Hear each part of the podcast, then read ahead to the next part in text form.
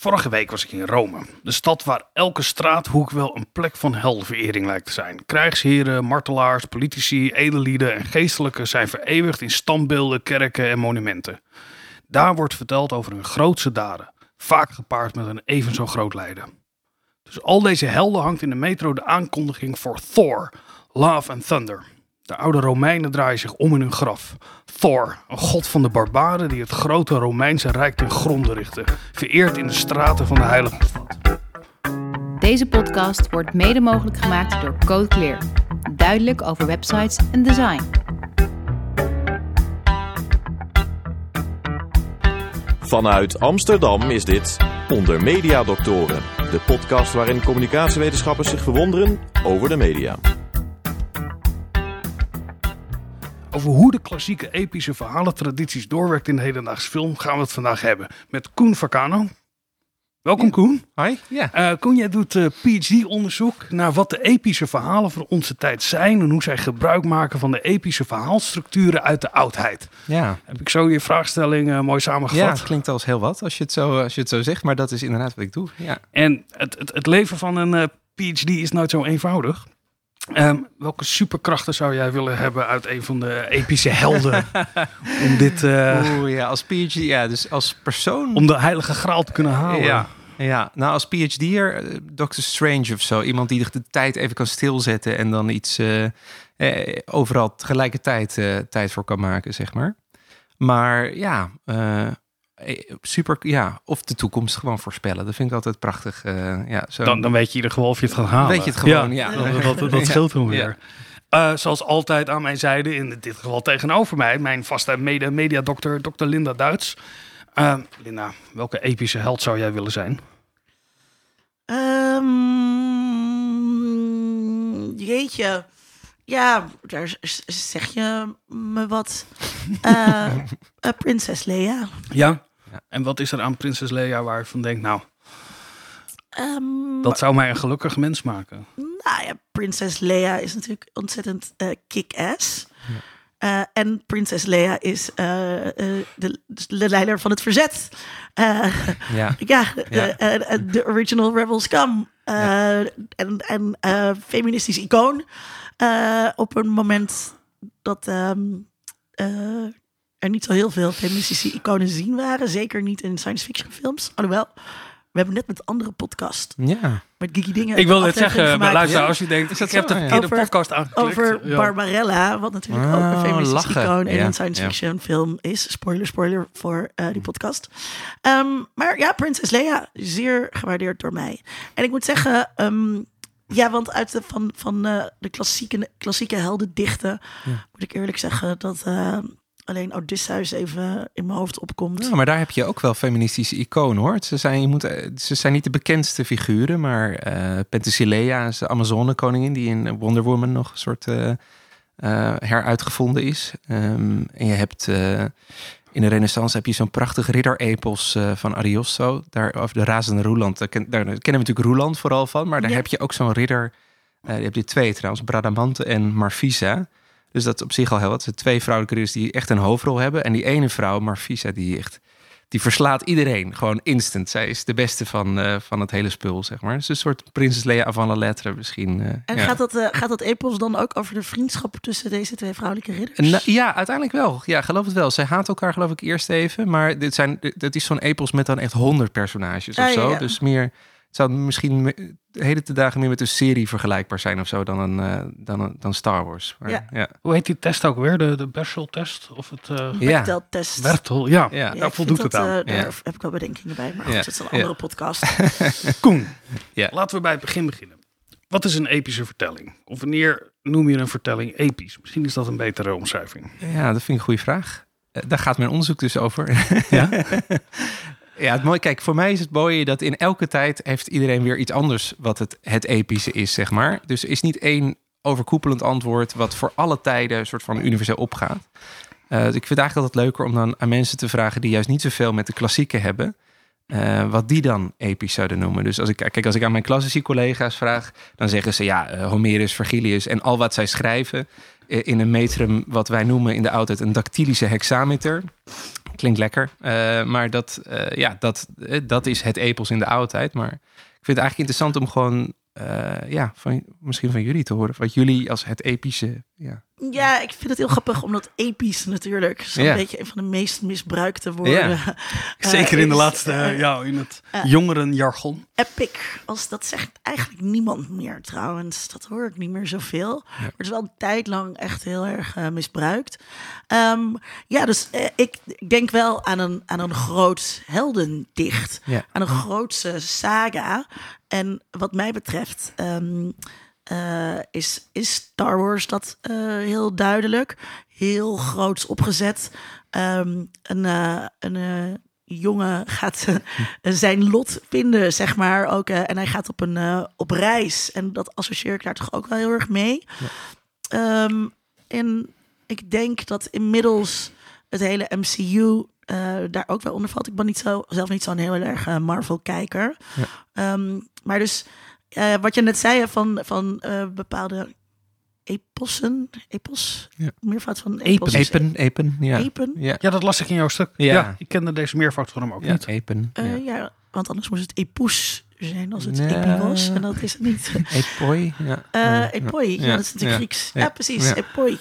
Um, uh, dan ben ik vergeten wat ik wou zeggen. Ja, over je, wat je, je episch noemt. wat je episch noemt, ja. Oh, ja. Dat, um, oh dat idee dat er um, uh, allerlei verschillende avonturen in dat grote ja. epos beleefd ja. kunnen worden. En dat er allerlei zijtakken in zitten.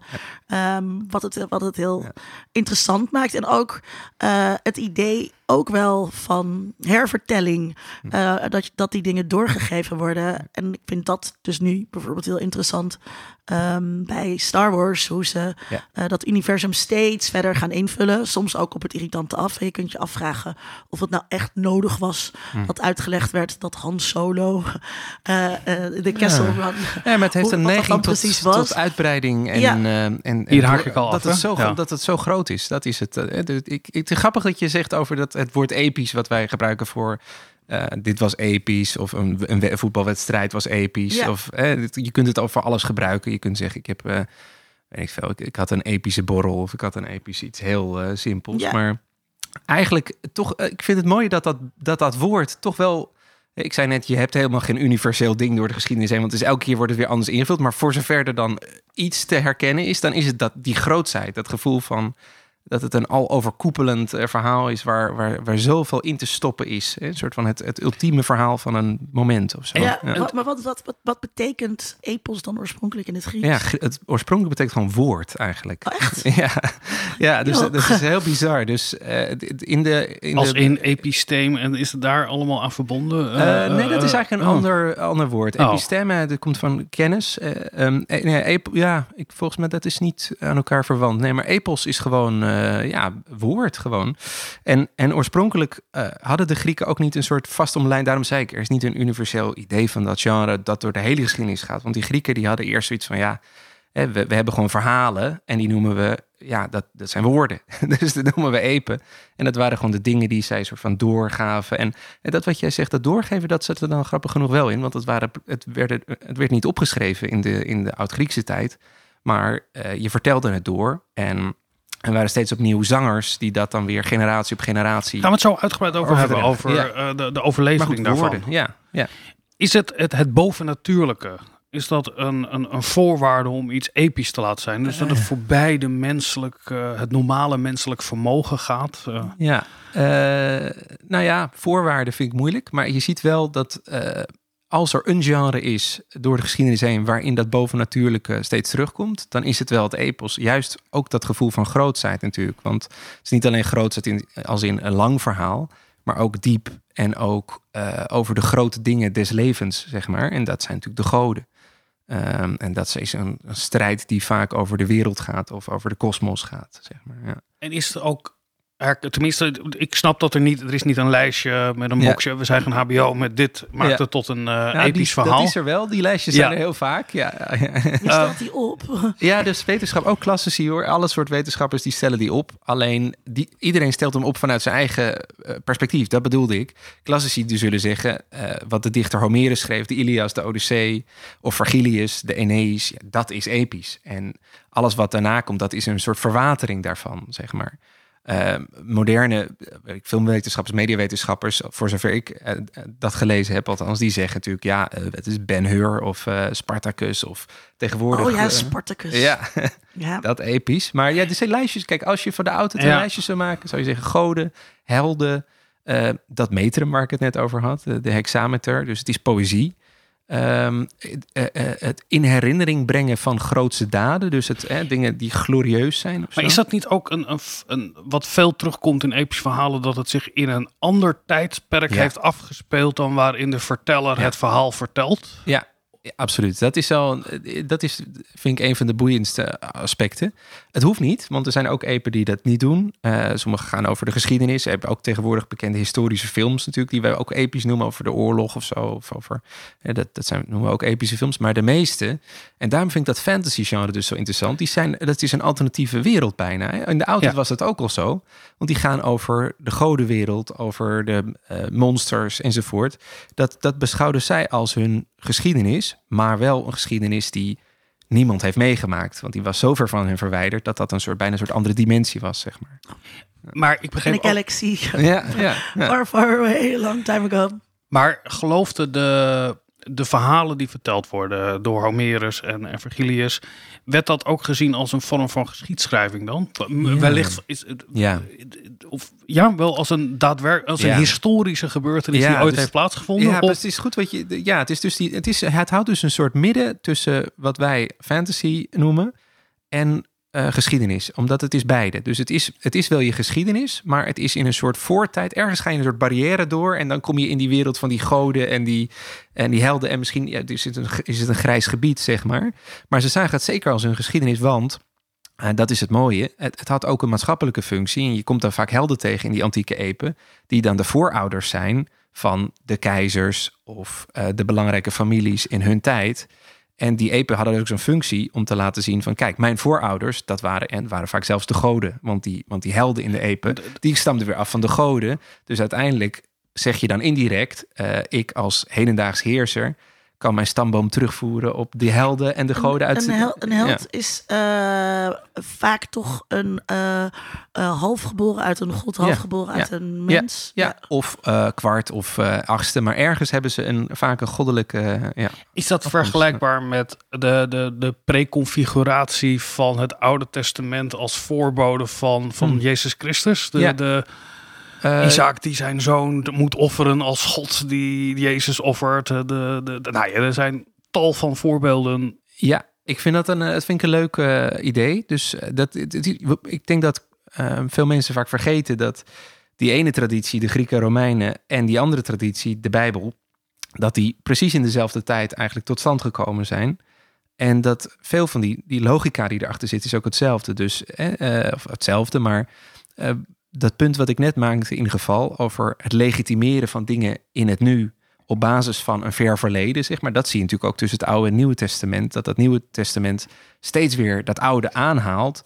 Um, en later wordt dat er natuurlijk extra uh, benadrukt of zo door, door uh, commentatoren, interpretatoren. Maar dat steeds aanhaalt om te laten zien van Jezus is de verwezenlijker van uh, de profetieën en de dingen die in het Oude Testament al worden Hij is trouwens ook een klassieke held dan. Ja, eigenlijk wel. Ja. ja. En dat zien we vaak niet zo. Ja, ja. Het is, dat is heel bizar. Nou ja, de directe lijn vanaf koning David als de grote held die dan weer... Ja, uh, ja. ja. dat is, ja. maar dat over Jezus, dat is echt... Dat vind ik dus echt... Dat doen die moderne films dus heel goed. Maar dan loop ik helemaal op de zaak vooruit. Ik weet niet of dat de bedoeling is. Maar uh, um, wij zien het vaak als historici, klassici... Die, die houden die twee tradities vaak gescheiden. Maar in die films, ook laten we zeggen de wat oudere epische films die gewoon lekker over de oudheid gaan, dan zie je dat die twee dingen altijd heel mooi samenkomen. Omdat de helden zijn vaak dan een soort Jezusfiguren. In ieder geval zijn ze vaak christelijk in die uh, Ben Hur of zo. Spartacus ook verlosser ja, van de slaven. Ja, precies, ja. Een soort democratische, communistische christen is dat. maar die, ja, weet je, die, die brengen die twee tradities eigenlijk samen. Dit zijn helden die zich vaak opofferen voor, voor het grotere geheel. Dus dat is ook een beetje een soort Jezusachtige manier van doen natuurlijk. Uh, en het zijn vaak helden die echt een soort sterke moraliteit hebben. Niet alleen maar voor hun eigen glorie vechten of zo, maar echt het goede willen doen. Ehm, ja, dus het grappige is dat, die, dat in, de, in, de, in de populaire traditie eigenlijk uh, die overeenkomsten tussen de Bijbel en Homerus of zo veel meer worden uh, erkend of eigenlijk worden versmolten bijna. Ik las ooit een um, boek van, volgens mij heet het De atheïstische dominee. Ken je dat? Nee, nee um, wat, wat ook wel interessant is aan de dominee, die dus atheïstisch uh, is. En uh, die had het dus heel erg over ook um, dat de Bijbel uh, geschreven is in een tijd waarin er verschillende religies bestonden. En uh, dat het ook een soort tegen elkaar opboksen mm. um, werd. Dus we pakken dit uh, uit die religie. Die hadden dit in hun scheppingsverhaal staan. Wij kunnen dat beter. Ja, ja, ja, en um, dus dat het ook een soort... Eclectische amalgaam is van Ja, dat het een soort remix... oh, dat vind ik een heel vet idee. Dat is, is een van de grote eerste online documentaires. Zeitgeist gaat er helemaal over. Om te laten zien dat de Bijbel eigenlijk al verhalen heeft... die we ook bij de oude Egyptenaren al zagen is dus eigenlijk uh, de Bijbel een soort MCU. Ja, waarin, ja, ja. het Oude Testament een soort MCU. Waarin al die superhelden samenkomen. Ja, vet zeg. Oké. Nice. Even terug naar uh, um, Homerus en Virgilius. Kan je die eens historisch uh, een plek geven? Want daar zitten nog wel een paar weken tussen. Ja, zeker. Ja, dus wat, wat een heel belangrijk verschil is, is dat het ene geschreven is. Virgilius is een, een Romein die uh, rond het jaar nul een epos schrijft over de held Eneas. En hij schrijft dan, en jaar nul is ook is Jezus natuurlijk, dus uh, daar heb je het weer. Maar ook uh, de, tijd dat keizer Augustus net aan de macht, dus begin van de Romeinse keizertijd. Mensen schreven toen hun epen op boekrollen, zeg maar. Homerus, het aller, dat is begin van de, wat wij zien als het begin van de westerse of Europese uh, literatuurgeschiedenis. Was eigenlijk geen literatuur, maar dat was dus wat ik net zei: uh, een orale traditie, dat wil zeggen mondeling overgedragen verhalen van zangers die. die en dat betekent, dat is een heel ander uh, idee. Want dat betekent ook dat het ene veel fluidere vorm heeft automatisch, omdat als je dingen doorvertelt, ja, je kent dat, is gewoon Chinese, Chinese whispers of zo, maar dat verandert elke keer heel sterk. Of überhaupt per publiek waar, waar die. Het, was een performance eigenlijk. Het, dus waar het voorgedragen werd is, uh, is heel anders. En daar weten we dus ook veel minder van af. Uh, van de totstandkoming van die, uh, de Ilias en de Odyssee. Omdat die. Maar zijn dat dan waarschijnlijk ja. ook verhalen die al rondverteld werden ja. en op schrift zijn gezet? Ja. Als een soort ja. Ja. antropoloog avant la lettre die nee, de verhalen verzamelde? Nou, hoe dat precies en hoe en wanneer het dat weten we op niet, schrift is gesteld, daar zijn er heel veel theorieën over. Dat, um, uh, dus sommige mensen zeggen, nou die zangers die gingen zelf op een gegeven moment natuurlijk wat, wat opschrijven. Andere mensen zeggen, ja, eigenlijk pas veel later in de derde eeuw voor Christus of zo, als dat, als dat sowieso de literatuur veel meer literatuur was geworden, in wat wij noemen de Hellenistische tijd. Toen hebben ze gewoon één kanonieke versie gemaakt en, en, en zijn ze dat gaan opschrijven, zeg maar.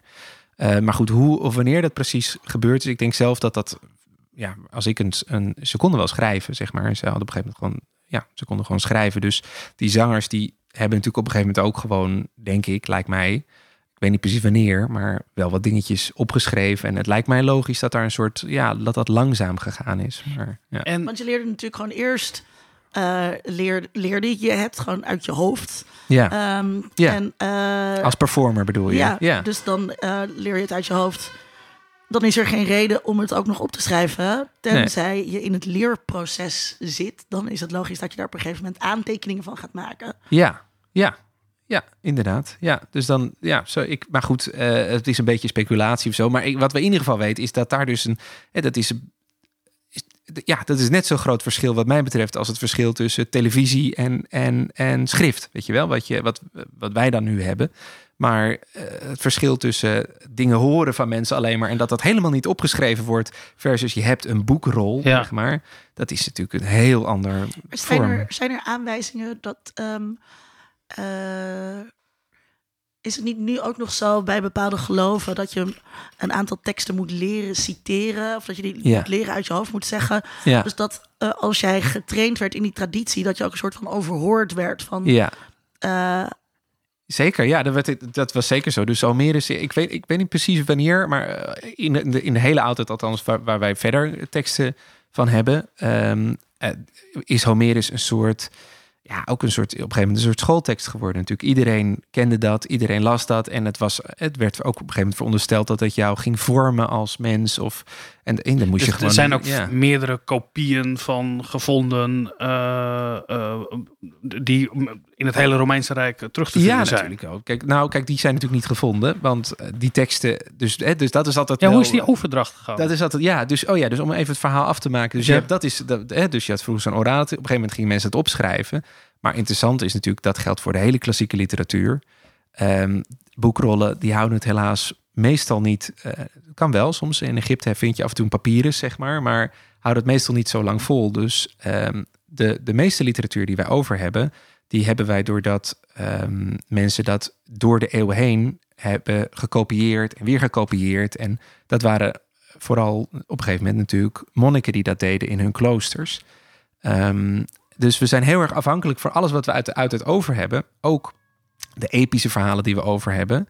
Van de selectie die mensen um, vooral in de middeleeuwen en de vroegmoderne tijd gemaakt hebben van wat ze de moeite waard vonden om te bewaren en wat niet, zeg maar. Dus misschien is het daar dan nog wel meer verloren gegaan qua Chinese whispers ja. dan in die, die orale, orale traditie. Ja, dus nou ja, goed, kijk, we hebben dus Homerus dan over en Vergilius, maar we weten dat er heel veel epen zijn geweest in die orale traditie en ook op een gegeven moment dan op schrift opgesteld in die Griekse auto. Die hebben we eigenlijk allemaal niet over. Dus dat noemen we dan. Ja. Het, het, zou je kunnen veronderstellen, ja, je kan dat altijd veronderstellen, maar is het verklaarbaar dat daar ook een soort christelijke uh, filter overheen is gegaan? Ja. Dat we heel veel verhalen kwijt zijn ja. geraakt die niet passen binnen een christelijk wereldbeeld. Ja, nou, dat is niet, dat weten we zeker. Ja, dat is, uh, dat is zeker zo. Alleen is het wel iets genuanceerder dan. Uh, dan op zich gewoon te veronderstellen dat alles wat niet bij het christendom past, soort van in een objectief kader, dat dat dan erbuiten valt. Omdat er ook een soort traditie was die al tot de oudheid teruggaat, waarin christenen, of maar überhaupt mensen, op een heel creatieve manier juist die epische teksten gingen lezen. Uh, als bijvoorbeeld allegorieën of zo. Of als uh, dingen die ogenschijnlijk gaan over helden die staan te vechten bij Troje maar eigenlijk gaan over uh, hoe iemand tot uh, het ware geloof kan ja. komen. Of, uh, maar goed, er zijn ook allegorieën die niet christelijk zijn, maar die, die, die ja, dus de, de interpretatievrijheid was zo groot dat er ook heel veel teksten overgeleverd zijn door die monniken, waarvan wij denken, ja, wat hebben die nou in godsnaam met het christendom te maken? Of die zijn totaal tegenovergesteld, want het zijn ten eerste polytheïstische teksten. Het gaat over allemaal goden die, die in de Bijbel afgezworen worden. Ja. Uh, en juist die hebben zij als een gek zitten overgeschreven. Sterker nog, in de, in de Renaissance en in de middeleeuwen werden die teksten, niet alleen de Bijbel, maar ook die teksten beschouwd als uh, ja, essentieel voor je opvoeding, zeg maar. Omdat dat uh, waren gewoon. iedereen las dat gewoon in, in, de, in de 15e eeuw bijvoorbeeld. Dus ja. ja, maar is dat dan ja, maar tussen de 15e eeuw en het moment dat deze tekst geschreven zat, uh, zat natuurlijk ook gewoon een millennium. Ja, dus... maar ook in die tijd hoor. Dus uh, we, we, denken dat de middeleeuwen dat die daar nou niet mee bezig waren of zo. Maar die, waren, die hebben dat juist allemaal overgeschreven. En die lazen dat natuurlijk ook op, op, op die manier. Maar goed, dat is allemaal, misschien voert dat we ver. Maar in al die, ik weet ook niet van alles de details. Maar in die tijd zijn er natuurlijk allerlei verschillende manieren en stromingen geweest. En op een gegeven moment werd die weer meer gelezen en die weer. En vonden ze daar weer iets in waar, waar ze iets mee konden. En, en ander ding is gewoon dat die monniken die waren niet allemaal. Kijk, weet je, wij denken, oh, ze waren christenen, dus dan zullen ze dingen wel stom gevonden hebben. Maar sommige mensen die waren, hadden hele vrije geesten. Of die hadden gewoon heel veel humor of zo. Ja. Die dachten, ah, het is eigenlijk niet de bedoeling. ik schrijf dat gewoon over, weet je wel. Dus er zijn ook allerlei. Het leukste zijn natuurlijk nog als je zo'n manuscript hebt, daar waar dan ook tekeningetjes in gemaakt zijn. Maar er zijn ook allerlei hele, ja, weet ik veel, erotische teksten of gedichten die. Nou, de eerste Nederlandse zin, ja. toch? Dat is toch ook ja. een uh, hebben alle vogelaar. Dat. Uh uh, is toch ook een hele persoonlijke ontboezeming. Uh, ja.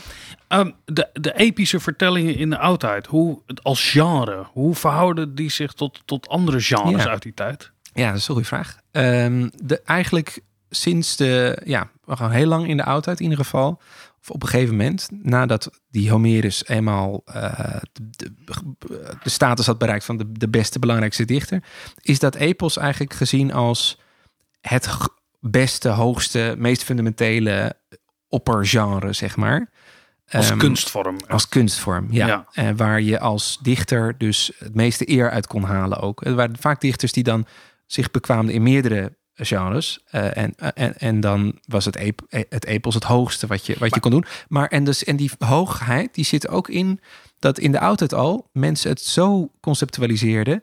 dat ze dachten dat het epos eigenlijk alle andere genres in zichzelf had. Uh, dus alles omvatten, zeg maar. Dus Homerus die werd ook in de oudheid al beschreven als een metafoor voor een soort oceaan. En dat de rest van de genres, tragedie bijvoorbeeld, want die, die, we kennen ook uh, alle Griekse tragedies natuurlijk, of Romeinse, die opgevoerd werden, net zoals eigenlijk nu nog. Of uh, lyriek, dus gewoon meer poëzie over liefde, of die mensen meer voor zichzelf individueel maakten.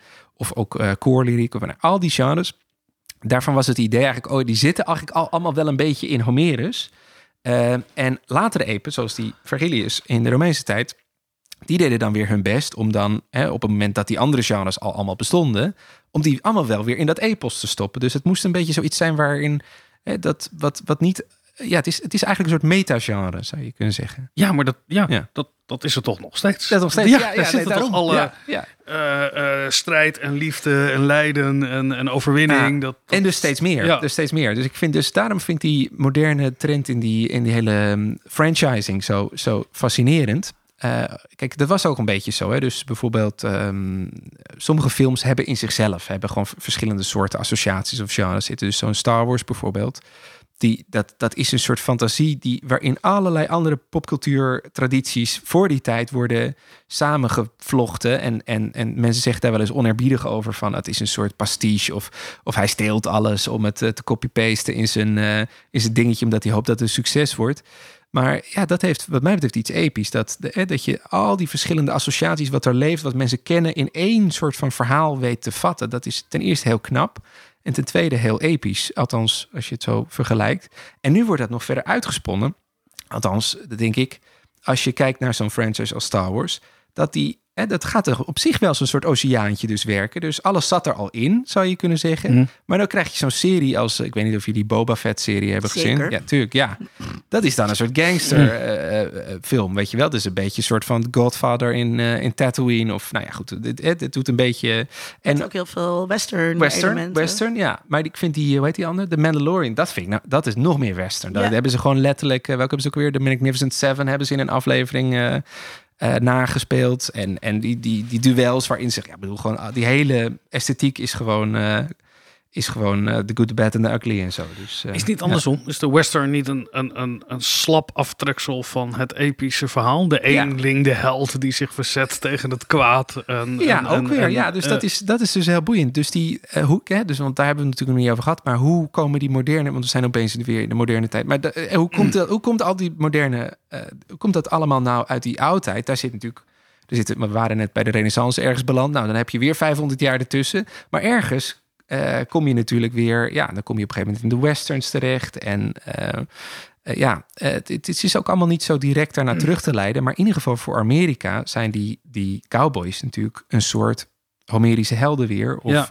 überhaupt helden. Want eigenlijk waar we het net over hadden, dat idee van die voorouders die in een soort, in een soort fantasy geschiedenis leefden voor jouw tijd dat werd ook Billy the Kid. En, um, maar voordat we bij die 20e eeuw komen, want we zaten denk ik ergens in de 5e eeuw, eh, einde Romeinse Rijk. Ja, en dan, die, dan komen we bij, ja.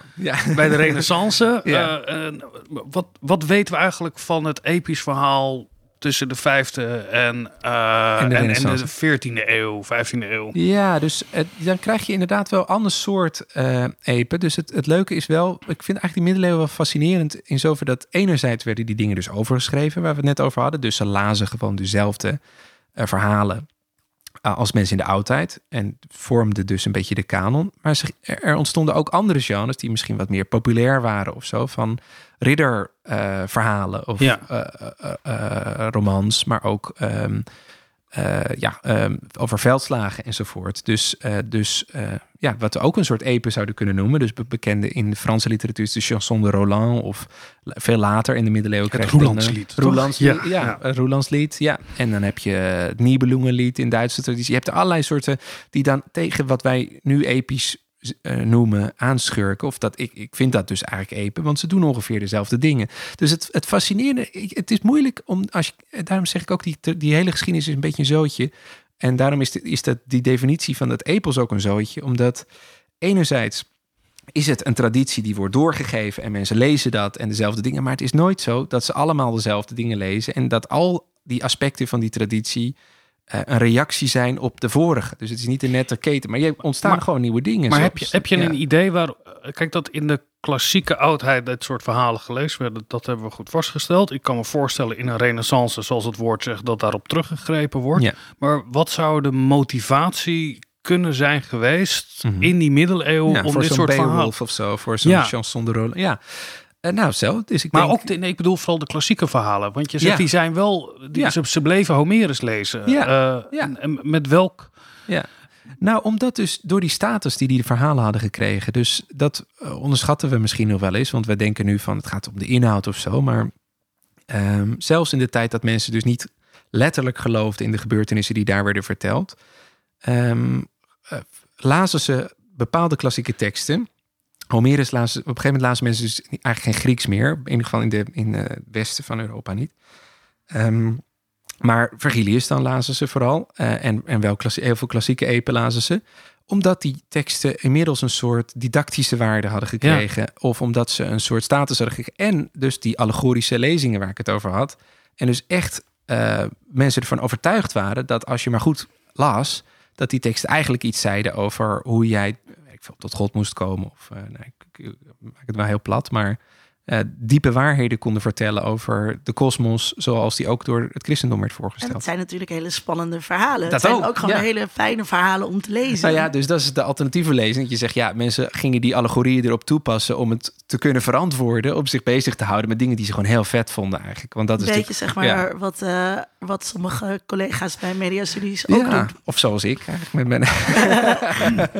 nou ja, ik heb op een vrije school gezeten. Ik heb dat al vaker hier gezegd. En dat worden ook wel Parsifal-scholen genoemd. Waarin ontzettend veel aandacht wordt besteed aan het Parsifal-verhaal. Ja, ja.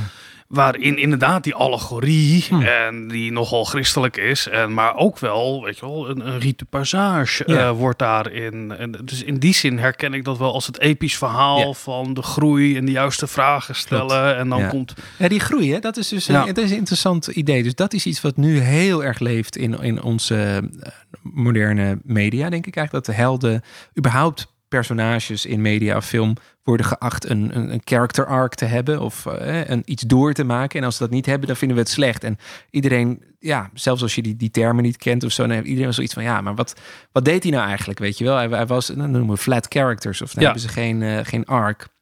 Um, in de oudheid boeide het dat mensen eigenlijk niet zo erg, weet je wel? Dus uh, sommige van die epische helden, daar is dat wel, kun je dat wel in lezen of zo. Maar heel veel van die epen gaan ook gewoon over een, een, een, gevecht. En wat daar boeide is wie het gevecht ging winnen. Of dat die helden gewoon op een hele kunstige en, en dappere manier gingen, gewoon gingen afslachten. En um, ja, dat was gewoon goed. En, en of ze aan het begin nou anders waren dan op het einde, dat maakte niet zo heel veel uit, zeg maar. Maar dat dus, daarom kwam ook met die middeleeuwen. Eh, op een gegeven moment uh, ik weet niet precies wanneer, maar dat, zit, dat is heel erg in, dat, in, de, in die allegorische traditie, denk ik, gekomen.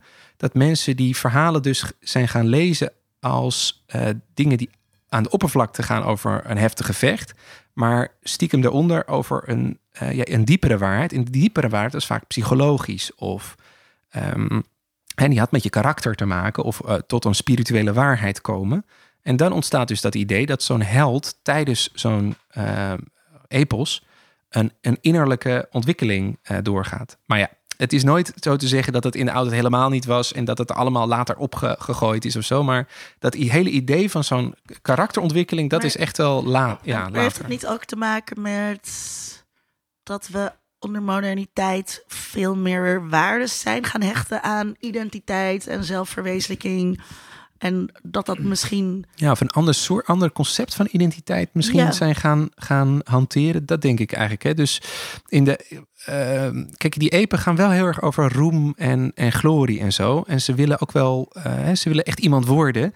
Een, het belangrijkste doel van de Homerische helden is in ieder geval om in de nagedachtenis te komen. Dus dat hangt natuurlijk ook samen met dat idee dat je geen. Het staat niet op schrift of zo. Dus je moet zulke belangrijke dingen doen dat mensen het over jou gaan hebben, zeg maar. En dat is heel erg eigenlijk is dat heel postmodern of meta als je dat soms leest. Dat die helden dan zelf zeggen van... oh, ik hoop dat, ik, uh, dat mensen later over mij gaan zingen. En wij lezen over die held. Je moet niet zelf je Insta-stories produceren. Je moet ja. getagd worden in andermans Insta-stories. Ja, uh, inderdaad. Maar hoe kan we ook... Oh ja, maar uh, ik weet even niet meer hoe, hoe kwam je... Ja.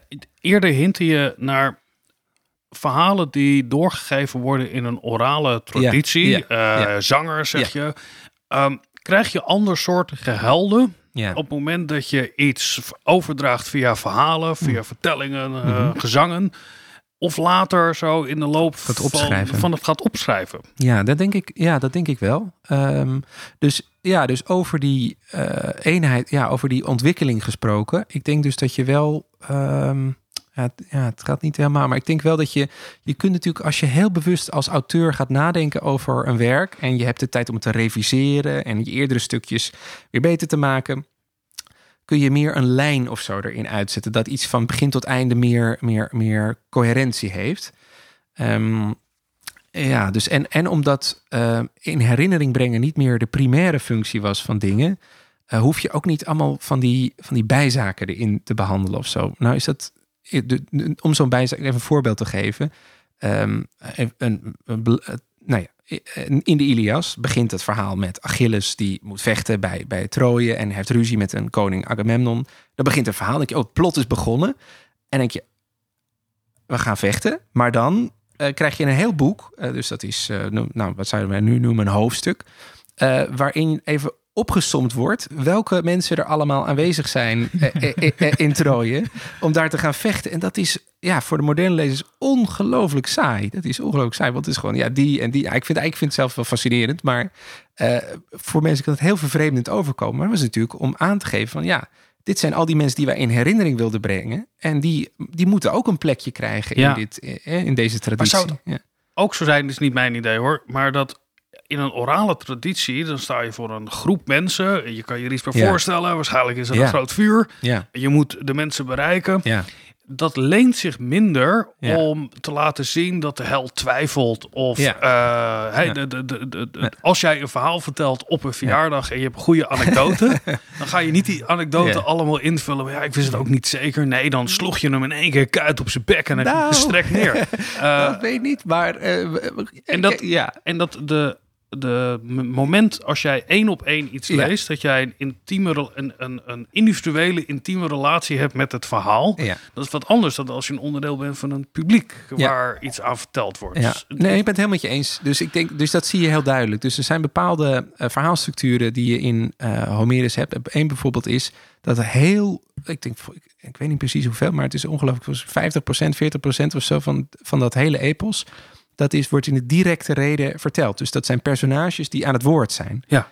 Um, dus dat is, ja, dat, de reden daarvoor is natuurlijk precies wat jij zegt. Dat was een, een zanger, een verteller, die was het aan het vertellen. En die deed dus eigenlijk de hele tijd gewoon zijn personages deed hij na, weet je wel. Dus hij was zelf typetjes. zijn typetjes. En dan zei hij, ja, en toen kwam Hector en Hector zei, en dan weet ik veel, misschien deed hij zelfs een ander eh, stemmetje of zo, dat weet ik niet. Ja. maar dat, dus dan was een soort uh, performance, weet je wel. Uh, dus, dat, ja, dus dat maakt wel uit. En later uh, wordt het wat, hè, wordt het wat, krijg je wat meer verwijzingen en wordt het ook meer wat geleerder of zo. Dat mensen subtiel tussen de, tussen de woorden door dan... Um, uh, verwijzingen naar andere epen kunnen, kunnen gaan herkennen, bij wijze van spreken. Maar staan er ook een soort innerlijke monoloog in? in ja, in die, uh... ja, dus ook in die. Dus, oh ja, dus dat wilde ik om jouw punt een beetje te nuanceren. Van, heb, is er dan geen plaats meer voor? Eh, moet je meteen op zijn bek slaan? Uh, daar is zeker plek voor. Dus, dus het grappige is, alleen dat wordt dus via zo'n, uh, via de directe reden wordt dat verteld. Dus Homerus, die staat erom bekend dat hij hele ingewikkelde constructies heeft. Dat personages zielen en harten en levers en organen hebben, die allemaal een soort hart zijn of zo. En we weten nooit hoe we dat moeten vertalen vanuit het Grieks, omdat we ook niet precies weten waar ze allemaal zitten. Maar dan staat altijd van, oh, een, een, een held die sprak tot zijn eigen timos Of die sprak tot zijn eigen whatever. En dan krijg je een soort interne monoloog die die dan dus... Oh, er wordt verwezen naar een orgaan, maar we weten niet waar het, nee, dat is orgaan naar zijn verwijst. hart of zo, weet je wel. Of zijn hart sprak tot zijn, uh, tot zijn, tot zijn, tot zijn gedachte of nou, whatever. Een gedeelte van een personage spreekt tot een ander gedeelte. En dan, en dan heb je toch een manier om het als een soort performance uh, op te voeren, zeg maar. Ja. Over de hedendaagse epische verhalen. Um, als je de lijn trekt vanaf Vergilius Homerus naar waar we, waar we nu zijn, zeg maar. Mhm. Um, we hebben al een aantal tijdsvakken hebben besproken. Zie jij daar een, is dat eerder een proces van continuïteit geweest? Mhm. Of zijn er belangrijke césuren aan te wijzen waardoor we nu met andere verhalen zitten? Ja, um, ja. Uh, ja, ik, ik, ik vind het zelf leuker om te denken in termen van continuïteit, omdat Ja. we dat niet verwachten, zeg maar. Tuurlijk, er zijn er césuren. Dus de belangrijkste césuur die ik zie, is, die, is net als in de oudheid eigenlijk, dus een overgang van medium. Dus ehm, eh, zolang epos een literaire traditie was, wat het dus oorspronkelijk niet was, maar vanaf eh, de, nou, de vroege oudheid op een gegeven moment is het een literaire traditie. Ehm, kun je, ja, is het een soort spel waarbij schrijvers dan naar eerdere schrijvers blijven verwijzen, zelfs als je dan andere tradities erbij krijgt, zoals middeleeuwse verhalen die in andere talen werden geschreven, maar daar heb je dus ook weer zo'n barrière. Hè? Dus die andere die ik net noemde in de middeleeuwen, zoals eh, Chanson de Roland of uh, Nibelungen of Beowulf, die waren, dat waren dus in, in, ja, die dus niet in het Grieks en Latijn werden geschreven.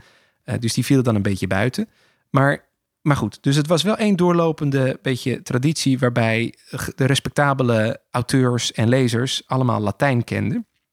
En dat heeft eigenlijk heel lang doorgewerkt. Dan krijg je op een gegeven moment natuurlijk dat de roman een vorm wordt en dat eigenlijk de, de gewone... Dat, dat, dat moeten we nog even... Ja. Het feit dat de mensen die in de middeleeuwen dit soort verhalen lazen, dat, dat hoorde natuurlijk bij de hele kleine gegoede bovenste laag dat, van de ja, samenleving. Dus het lezen van Ja. het Latijn en die klassieke verhalen, dat was echt alleen voor de, de Ja. elite. Um, en, en die andere epen, dus die in de, in de, in de uh, volkstalen werden ge, ge, gemaakt, waren vaak ook performances. Die mensen dus, want heel veel mensen konden überhaupt niet lezen natuurlijk in de middeleeuwen. Uh, en, en door de hele geschiedenis heen heel lang niet. Maar die konden ze dan weer horen, zeg maar. Ja. Dus, uh, dus dat, stond, dat waren dan wel een beetje aparte dingen. Hoewel die ook wel naar elkaar verwijzen af en toe hoor. Maar goed, op een gegeven moment krijg je natuurlijk de ontwikkeling dat heel veel mensen kunnen lezen. En dan ontstaan er moderne romans. En in de, ja, gewoon in de, in de talen die we nu nog steeds uh, kennen, zeg maar. Um, maar zelfs dat, ja, dus dat is ook al een, scheidslijn. Dan worden er, komen er wat minder verhalen die echt over, die, over de oudheid gaan, zeg maar. Hoewel daar vaak nog wel spelletjes mee gespeeld worden.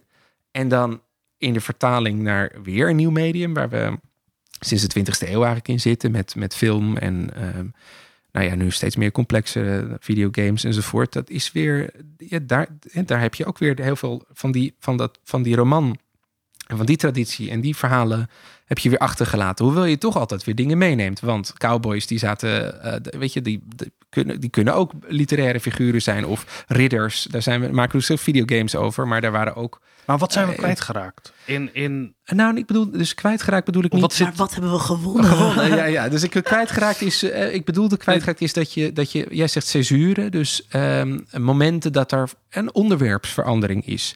Of dat je niet die dwangmatige neiging voelt om, om de hele tijd terug te grijpen op diezelfde auteurs. En ja, er was een hele lange periode in de geschiedenis, in de oudheid, maar zelfs in de middeleeuwen. En kijk naar Dante of zo in de Renaissance.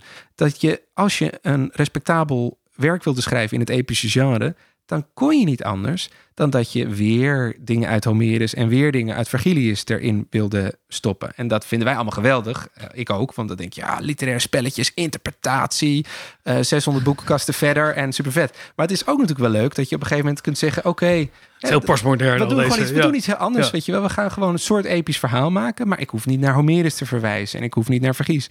En dan verlies je dus ook, uh, en dat is ook een winst op een bepaalde manier, verlies je ook een beetje dat meta-gedoe of de, de, de, de intellectuele spelletjes op zo daarmee. Hè? Dus dan, ik denk dat aan het begin... Het is maar niet, ook de ballast. Ook de ballast, ja, dat bedoel ik. Ja, dus, maar die spelletjes verlies ik dus niet per se... Ja, dat, bedoel, dat is een beetje positief, bedoel ik dat. Dat je, je ziet vaak dan aan het begin van zo'n traditie... Homerus, maar ook uh, die middeleeuwse epen... Die in die volkstalen, de romans... al die uh, beginmomenten... uh, dat, ze, dat ze even opnieuw begonnen, zeg maar. Dat was dus was heel populair. Dat waren dingen waarvan in, in, in hun eigen tijd elites misschien gedacht hebben van, nou ja, goed, weet je wel, is dat het nou, weet je wel? Maar de, het was in ieder geval voor iedereen. En, en later, als dat dan het ding wordt, zeg maar, en de, intelligentie zich erbij gaat bemoeien, dan wordt het allemaal een soort, hè, dan wordt het veel meer een, een, een spelletje of zo. Wat ik echt super interessant vind dat je dat zegt, omdat ik denk dat we nu in een transitie zitten van film naar tv. Ja. Ehm, dus ehm, er was een nieuwe golden age of television nodig. Uh, voordat deze verhalen naar televisie kwamen. En dan bedoel ik uh, Star Wars, maar ook Marvel. Ja. Um, die nu televisieseries aan het maken zijn. En je ziet dat er in die series um, veel meer vrijheid wordt genomen. Ja. Uh, nu Miss Marvel bijvoorbeeld, ja, waarin ja. een uh, Pakistaans moslimmeisje de hoofdrol uh, speelt. Wat gewoon, dat gaan ze no way doen met een film, om, um, met een Marvel film, om dat risico te nemen, omdat het een blockbuster moet zijn. Ja. Um, maar ook in, die, ook in de Star Wars series, dat ze een aantal dingen mogen ingaan. waar ze aan de ene kant zowel de bagage meenemen. Als ook, zeker bij die Marvel-series, als ook echt wel nieuwe dingen proberen te doen. Ja, maar is, denk je echt dat het alleen een commercieel argument is? Want ik kan me ook voorstellen dat... Ze geven dus, ze geven die... Um, uh, als, kijk, als je nu... Um, zeker als je een, wat ik altijd de genummerde versies uh, van de Star Wars films nee. uh, noem, hè, de, de, de, de, grote trilogieën, ja. zeg maar.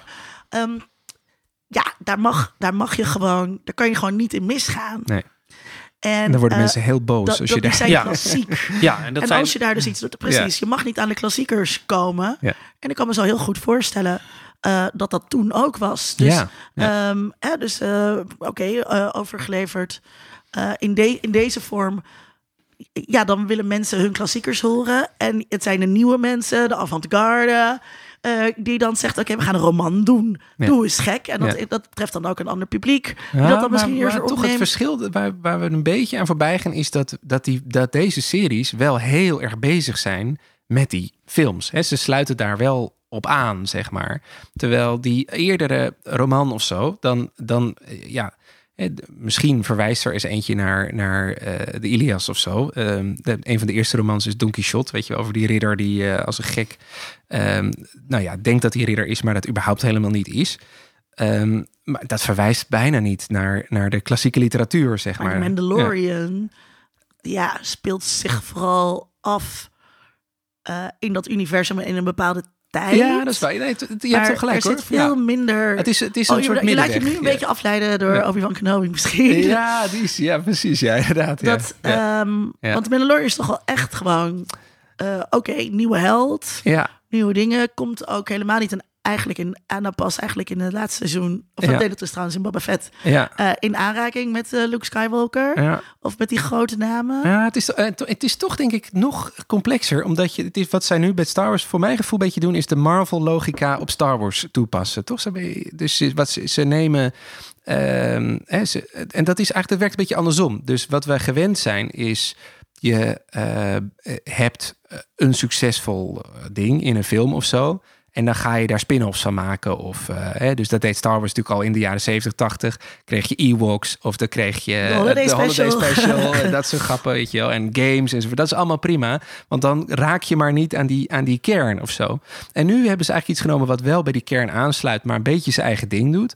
Maar wat, volgens mij, wat ik denk wat ze gaan doen met die Mandalorian en met al die andere dingen. Is daar langzaam wat zaadjes in planten die, je moet, die moeten groeien. En die langzaam bij elkaar gaan komen in een grotere plotlijn in die Star Wars um, ja, die toch weer epische proporties gaan aannemen. Dus er is een verschil in top-down, zeg maar, versus een soort bottom-up van je begint met een netwerk en langzaam komt dat samen, zoals we natuurlijk gezien hebben bij uh, Infinity War en die, en die hele Avengers. Dat vind ik echt het enige, of nou, dat is het gewoon het het dat is een, de uitvinding, vind ik, van die Marvel. Dat, die, dat je kunt beginnen met een uitwaaiend iets. En dat, dat iedereen denkt, ja, oké, okay, zoveelste film. Maar dat je langzaam het gevoel krijgt van, oh, oké, wacht even, nu het begint het toch serieus. Ik moet toch gaan kijken. En dan, shit, ja, dan moet je toch die anderen ook gaan kijken. Ja, dan was ik dus heel laat. Ja. ik dacht echt, fuck it, rot op, ik al die films niet te zien. Maar ja, ja op een gegeven, moment, mis je toch ook wel weer ja. uh, de popcultuurboot waar je gespecialiseerd in bent. En dan moet je alsnog, moet je alsnog al die films kijken kijken. Ja, helaas. Ja. ik, ben, er gewoon nooit aan begonnen. Nee. Het doen we ook wel met je... een Marvel film gezien ook? Jawel, jawel. Maar ik, ik, vraag me niet welke. Maar ik heb er wel ja, eens Het is misschien gezien. verstandig hoor. Ja. ja. Um, Nee, het doet me ook een beetje denken aan, aan, aan de Bijbel. We ja. hebben natuurlijk heel veel christelijke verhalen die niet in de Bijbel staan. Maar het, het, het, lef hebben om te zeggen, nou, volgens mij gaat het verhaal in de Bijbel had ook zo kunnen gaan. Ja. dat is onmogelijk. Dat, dat zou als blasfemisch worden ervaren. Maar iemand die vertelt, ik had een visioen van Christus in mijn leven en nu leef ik beter. Dat is gebaseerd in verwijzing naar uh, Christus. Maar dat, dat, is dan wel gelegitimeerd. Nou ja, behalve dat het leuke, dus, dus dat is dus fascinerend. Dat je vaak dus een dynamiek krijgt waarbij eerst iets heel fluïde is en een soort netwerk kan zijn. Dus bijvoorbeeld die Bijbel zelf die, die, die, de vier evangeliën die wij natuurlijk kennen, dat zijn vier versies van hetzelfde verhaal, maar zijn allemaal anders. En dus het zit vol met uh, tegenspraak, tegenspraak ja. in zichzelf. Hè. Dus dat komt ook uit een soort um, ja, traditie waarbij verschillende mensen dingen zijn gaan opschrijven. Überhaupt heeft het natuurlijk heel lang niet vastgestaan wat de kanon van de Bijbel was. Maar daar, daar waren allerlei verhalen die er een beetje bij hoorden en niet bij hoorden. En wat is nou de kern? Fantastische verhalen zijn er. Ja, ja, de apocryfe verhalen Precies. zijn er toch? Ja. ja. en op een gegeven moment is het, krijgt dat dan een status van, oh, dit is het. Hè? Dus dat is, dat is, wat was penfictie wat was, wat was echt? Ja, absoluut. Ja, en dat had je in de, bij, de, bij Homerus had je dat ook. Daar hebben we zoiets als, de, noem je nu, de epische cyclus. Dus eigenlijk, ja, grof gezegd, nou, nou, nou misschien worden klassici boos, maar dat klopt ongeveer wel. Um, is alles, dat was een soort orale soep, zeg maar, van allerlei verhalen die de ronde deden. En ergens uit die soep zijn wij een paar ingrediënten, een stukje, weet ik veel, prei of zo. Dat zijn wij Homerus gaan noemen, zeg maar. Maar de rest van die soep, dat heel veel, dat zei ik net, dat heeft het dus niet gehaald, überhaupt door de, door de, de middeleeuwse mix, of überhaupt eerder al uh, om in de literatuur terecht te komen, zeg maar. En dat noemen we nu de, de epische cyclus. En daar weten we weinig van. Dus dat was de rest, weet je wel? Ja, ik moest ineens denken aan dat volgens mij het, het grote probleem ook in het uh, hedendaagse christendom was dat we voor christelijke uh, helden hebben, zoals Homerus. Ja. Maar die kan natuurlijk nooit naar de hemel zijn gegaan, want hij was niet gedoopt. Dus die uh, zat in het, in het limbo. Ja, in, net, als, net als doodgeboren kinderen. En ik geloof dat ergens in de jaren tachtig er een synode is geweest. Die zegt, nou, hups naar de hemel. dus al die, die, die, die de, de, de, grote helden uit de oudheid, die zaten daar allemaal met Klopt. baby's in, het, in het limbo. Ja, Je hebt dus inderdaad hè, het, het werk van Dante uit de 13e eeuw, eind van de 13e eeuw, die um, dan een reis door de onderwereld, door de, door de hel, door de en naar de hemel beschrijft. Dan komt hij al, want hij, dat is echt een epos in die traditie, of althans het wilde helemaal bij aansluiten. Vergilius is soort van zijn, zijn gids door dat hele gedoe. Maar Vergilius die mag eigenlijk niet in de hogere regionen van de hemel komen. Want precies wat je zegt, hij was dus niet uh, gedoopt, zeg maar. Dus die, die zit echt die spanning tussen... Eh, wat ik net zei, van ze waren er allemaal door gefascineerd en ze lazen het op allegorische manieren enzovoort. En um, uh, aan de andere kant dat geloof dat er eigenlijk geen ruimte voor biedt. Voor de, ja, want die mensen zitten gewoon niet in de hemel, want ze waren niet gedoopt. Die, die spanning die werkt helemaal uit in een plot waarbij dan echt op een bepaald punt dus ook Vergilius moet zeggen ja sorry, maar ik kan niet verder, want het is gewoon niet mijn. Uh, ja. Uh, ja. ik ben niet lid. Ik heb, ik heb niet de gold membership. Ja. ja.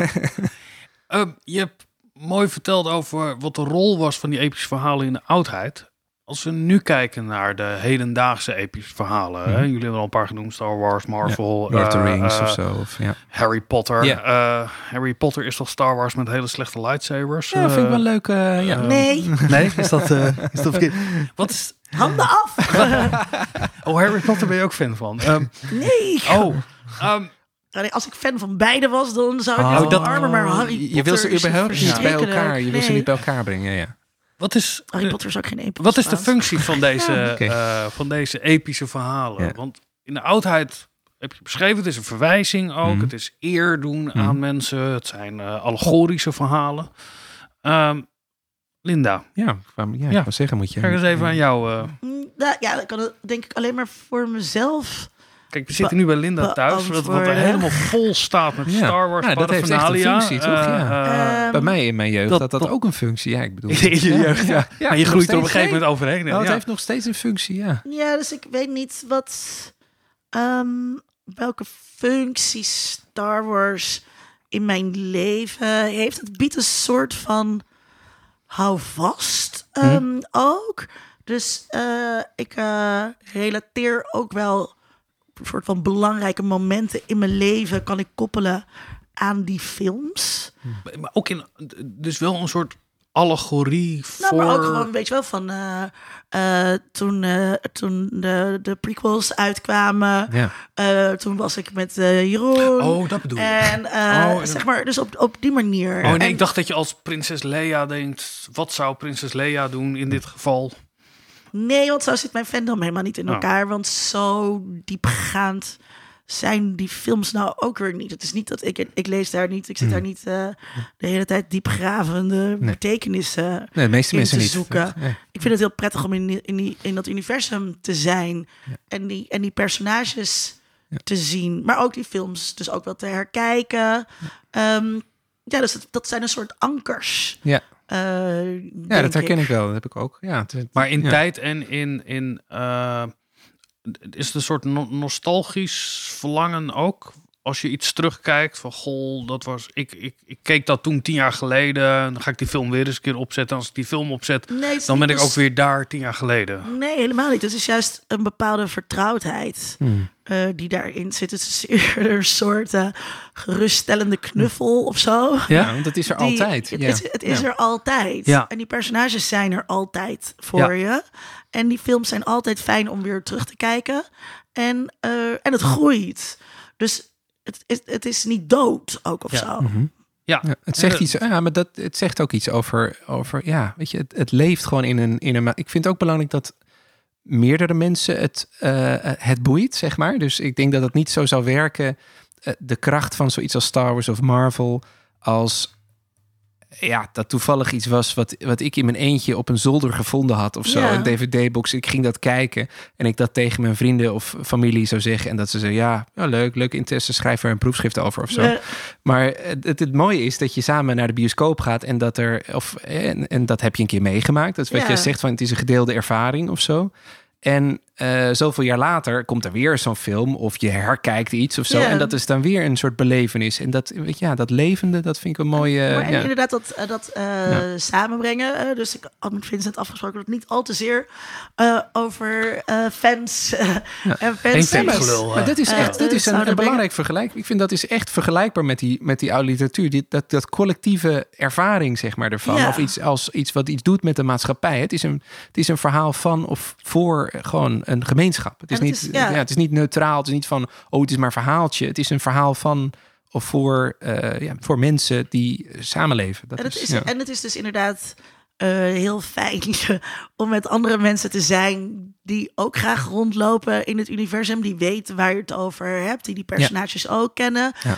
eh, die daar eh, op hun eigen moment Ja. zeg moet maar je, ook moet je nou ingekomen voorstellen zijn. dat je dus eh, niet eh, Marvel en Star Wars en Lord of the Rings en al die dingen hebt, maar dat je gewoon één verhalenwereld hebt waar iedereen gewoon het mee eens is en er ook nog eens in gelooft, want het waren gewoon je goden, weet je wel? Ja, nou, dat, en, dat, en, dat, en dat lijkt me dus heerlijk. En ik kan me Ja. dus ook zo voorstellen dat iedereen toen ook favoriete hoofdstukken Ja, dat had wel. en favoriete personages. En Absoluut, Ehm, dat was ook zo. ik heb vertel wel graag dat ik op dating eh, sites ehm, wel eens mensen beoordeel op hun favoriete eh, genummerde versie. Oh ja. Of dan eh, andere dan, mensen die genummerde versies in hun favoriete volgorde laat plaatsen. Ja. En als En wat zou je dan zeggen?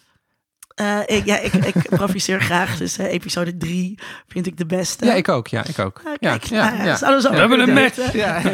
Eh, en ik heb echt ook wel gasten ge- geghost die dan komen met Empire is de beste Ja, film. Nee, saai. oké, maar Ja. dit, Zo, dit, is een dus soort ook- code. ja, maar je kunt dus ja. mensen plaatsen. Hè? Ja. Dus voor de aflevering zei ik van... Want Nee. eh, je zei iets over de laatste Nou, de allerlaatste vind ik jammer, omdat het een soort. hè, Dus ik, wat ik mooi vind, is dat levende ervan. Dus Ja. het enige waarom ik die laatste film echt slecht vind. is het, is, het, is het doodmaken van de levendigheid. Dus ten eerste kijkt alleen maar terug. En ten tweede sluit het zoveel dingen eh, op zo'n manier af. Dat je, je kunt er niks meer mee, zeg maar. En bovendien maakt het heel veel dingen die eerder waren... maakt een beetje kapot om eh, er tegen in te gaan of Ja. zo. Maar goed, we gaan niet... Maar, het eh, nu- dus nu Vincent- even- nu lijkt- even afmaken, Vincent. Want het heeft dus ook een soort van te maken met smaak in, eh, in, in de Boeddhasiaanse zin. Hmm. Ehm, dat eh, ik kan me dus verhouden tot iemand die The Last Jedi ook goed vindt. Ja. En zo weet ik ook een beetje waar Ja. iemand politiek staat. Hmm. En ik kan me heel goed voorstellen dat je dus vroeger dan ook... eh, uh, als je uh, iemand het hof ging maken, ja, ja, zei: Goh, ja, Agamemnon, uh, wat vind je van hem? Je wel? Ja, de topgast, ja.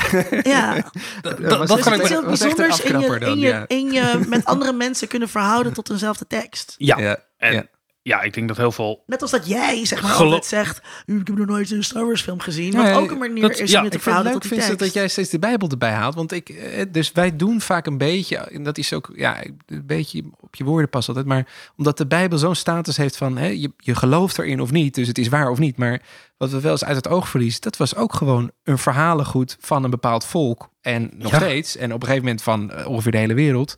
Eh, voor, eh, nou ja, niet maar alleen één volk in Judea, maar eh, nou, bijna de hele wereld. En dat werkt ook op die manier. Hè? Dus mensen herkennen dat, mensen delen dat met elkaar, mensen hebben ja, eh, hele gepassioneerde discussies daarover. Ja, ik vind, het, Ja. ik vind de Maria-verering vind ik fascinerend. Want Maria is in de Bijbel echt een, nou, een, een minimaal personage. Mhm. Maar dat is dus wel inderdaad. eh, maar dat daar gewoon hele Ja. groepen opge, opgeworpen hele zijn. En, fanfacties. Ja, Die zeggen we beginnen ja. onze eigen kerk. ja, Ja. Want eh, het Oude Testament is Ja. niks en het Nieuwe Testament is veel belangrijker. Ja. En, ja, Ja, het, maar- het, het, het enige verschil is dus, en dat maakt het eh, lastig, is dat wij nu niet echt geloven dat Darth Vader ergens bestaat of zo. Of dat. eh, Eh, speak for yourself. Ja, maar, maar goed, dus en ik, ik vind ook, en mensen doen, gebruiken dat soms als, ik, ik nu, eh, dus de niet bedoeld als dooddoener. Het is juist eh, om te zeggen, dat moet geen dooddoener zijn. Want geloof of eh, het diepe ervaringen van literatuur of zo, die zijn veel eh, eh, breder en veel veelzijdiger dan alleen maar is iets waar of niet, zeg maar. Ik, ik was vorige week in de Sint-Pieter. En ik ben gedoopt, maar ik ben niet gelovig. Maar ik vind de overweldiging. eh, ik kan me heel goed. En, en nu zullen misschien eh Rooms-Katholieken beledigd zijn. maar of je naar een Star Wars experience gaat in een convention center. of je gaat naar de Sint-Pieter, waarin je al die verhalen met Ja. prachtige kunst eh, daar verbeeld Als je ziet. naar eh, Tunesië gaat, ja. waar, die, waar die Star Wars Precies, zijn. dat, het, is, het, het is een vorm, ja. zoals Ja. Stijn Reijnen zou zeggen, van mediatourism. Ja. Eh, om, eh, het, het, medium is dan de Bijbel. En, Helemaal, ja, zeker. en, en, ja. en ja, eh, prachtig om eh, Petrus opgekeerd te zien gekruisigd worden Ja. en weten dat het nergens beschreven is. Eh, eh, Ja. En hoe dat, Ja. hoe dat eigenlijk eh, daar tot stand komt. Dus het is één groot literaire ervaring. Ja, zitten. En het werkt in, in gelaagdheid. Hè? Dus het mooie is dat in al die gevallen werkt dat door van in gelaagdheid. Dus je, je, je, je krijgt die dingen een keer mee. Misschien zie je ooit een keer een Star Wars film of zo in je jeugd. Of eh, zoals ik, je hebt eh, althans eh, een moeder die dat aan je vertelt of laat zien. Of ik, ik ben Ja. mijn dochter dat allemaal vertel. Terwijl ze nog te klein is om die films te kijken. Maar ze weet gelukkig wel wie het allemaal zijn. En als ze dat dan, dan ziet ze het misschien een keer. Of dan komt ze het een keer tegen. En ja, als je dan op een gegeven moment op zo'n plek bent of zo, dan denk je, wow, en nu, nu is dit het echt. Ja, en dan wij zeggen dan dat is nep, maar dat is eigenlijk een ver- ervaring die natuurlijk vergelijkbaar is met, met, eh, met alle vormen waarin betekenis langzaam wordt, wordt opgebouwd in een soort eh, eh, netwerk of eh, ja, gedeeldheid met mensen. En, en als je dan op een plek komt die heel veel dat samenbrengt of zo, dat is, ja. Ja, maar ik ben ook wel gevoelig voor de, de allegorische betekenis van, Ja. van verhalen. Niet alleen in het christendom, maar als je, hè, als je ik ben eens in een Taoïstische tempel Hm. geweest. En als je dan uitleg krijgt, dan denk je, ja, dat is mooi. Ja. Ja, Ehm, de allegorische betekenis, wat, wat is er? Want we noemen, weet je wel, het, het, het, het met elkaar zijn, eh, verhalen delen, dat gaat heel erg over vorm. Zit er iets in die Marvel, Star Wars, wat ook een allegorische Ja. betekenis heeft voor het publiek? ja, toch? Denk jij? Ja, eh, eh, maar dat is ook weer een soort betekenisgeving die vrij is, zeg maar. Ja, van wat, je daar, Eh, wat je daarin wil zien. Nee, maar het is een heel groot fenomeen. Kijk, en al ja. heel lang. En er zijn ook verhalen ge- geïnitieerd die dat niet hebben bereikt. Ja. Dit is de meest gestelde vraag die je als mediawetenschapper krijgt. Ja, als er wat weer eens een keer iemand gaat bellen van Editie NL. Wa- verklaar eens de populariteit van dit Ja. genre. Gaan we niet... eh, Nou, eh, ik ook. Dan mag ik een poging? Ja, ja, ja, nou, dan Nou, ga ik kort aan dus- jou eh, verwijzen. Nou, kijk, ik denk dus hè, dat, ehm, eh, dat dus wat jij zegt, hè, het feit dat iets zich leent voor eindeloze hoeveelheid allegorische interpretaties of überhaupt eh, eh, betekeniszoeking, dat getuigt ervan dat iets dus werkt als, als in, in, in, in dit geval epos Omdat dat is precies wat er gebeurd is met Vergilius en Homerus, zoals ik net al zei. Maar niet alleen dat er dan een allegorische laag in werd gestopt. Oké, het betekent dit of zo. Maar juist dat mensen het met elkaar oneens konden zijn. Ja. Uh, en steeds weer nieuwe lagen erin konden vinden. Um, nou goed, ik, ik zal je niet vervelen met hoe dat in de oudheid en wat ze er allemaal in lazen of zo. Maar nee, uh, die kunnen heel. Nou ja, goed, een heel klein voorbeeld, maar um, zonder diep op in te gaan. Nu in de wetenschap bijvoorbeeld heb je dus twee facties in het, in de, als we het zo mogen noemen, fandom van de, van de Eneas. Waarbij de ene groep mensen zegt, ja, die held Eneas in dat werk dat is gewoon een soort keizer Augustus avant la lettre. Hij was dus ook de voorouder van keizer Augustus. En het was dus zijn, mythische voorbeeld. Dus weet je wel, die Aeneas, dat was gewoon... Uh, daar moeten we niet over zeuren. Alles wat hij doet, dat vonden die Romeinen natuurlijk gewoon goed. Want hij was een soort Augustusje. Andere mensen zeggen, ja, maar hou eens even... wat die Aeneas hier allemaal doet die Vergilius die heeft daar zo allemaal dingen ingestopt waarmee hij gewoon keiharde kritiek op die keizer geeft, omdat uh, Aeneas die uh, staat voor een keuze om een vijand te sparen en hij haakt gewoon genadeloos zijn hoofd eraf. Um, ja, hè? Uh, dus die, die twee dingen die sluiten elkaar compleet uit, maar beide kun je blijkbaar in die tekst ja. lezen en die zeggen ook allebei iets.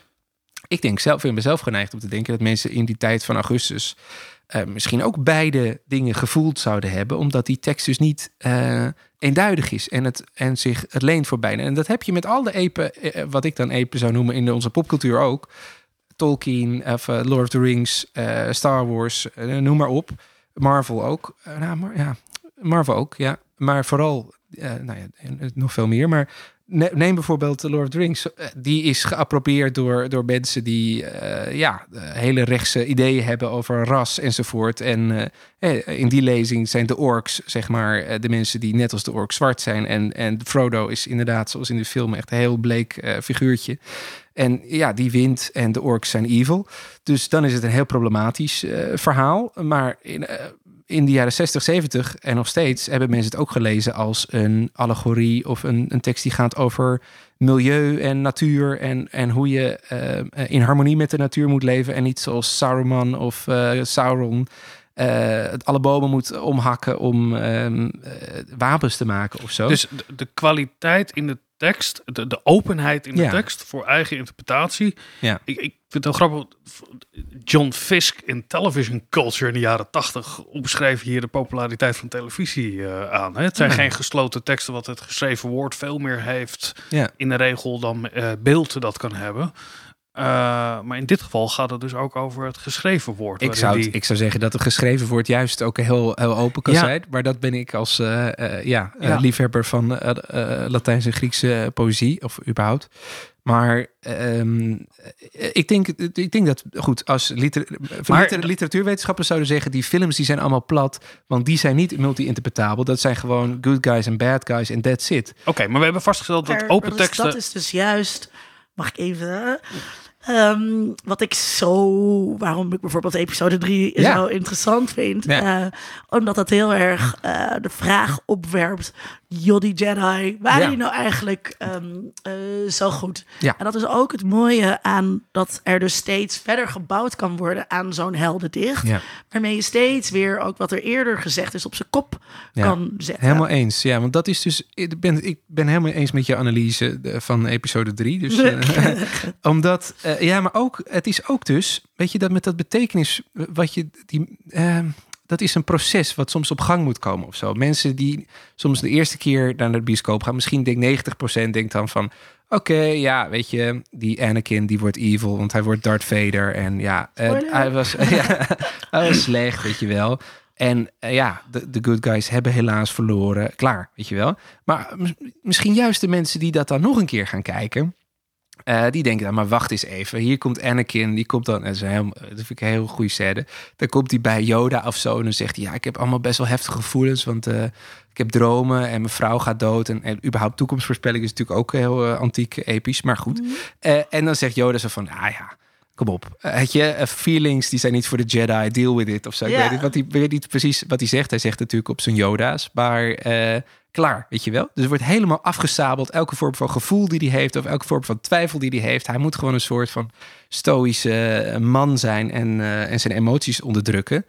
En ja, uh, geen wonder dat dan bij de enige bij wie die uh, zijn gevoelens kwijt kan, en dat is dan de slechterik, uh, die, nou ja, goed, dan gaat het natuurlijk helemaal mis. Dus dat levert een veel kritischere lezing ja. op van, hè, zijn de goede nou wel goed en zijn ze nou wel slecht? Wat trouwens, kijktip voor mensen, ik was er ook lang niet aan begonnen, maar je moet echt wel de Clone Wars kijken. Ja, Bijvoorbeeld, waarom, hoe dan duidelijk wordt dat Ahsoka, die ook in The Mandalorian zit, er besluit om de Jedi Order te, verlaten. Oh, oké.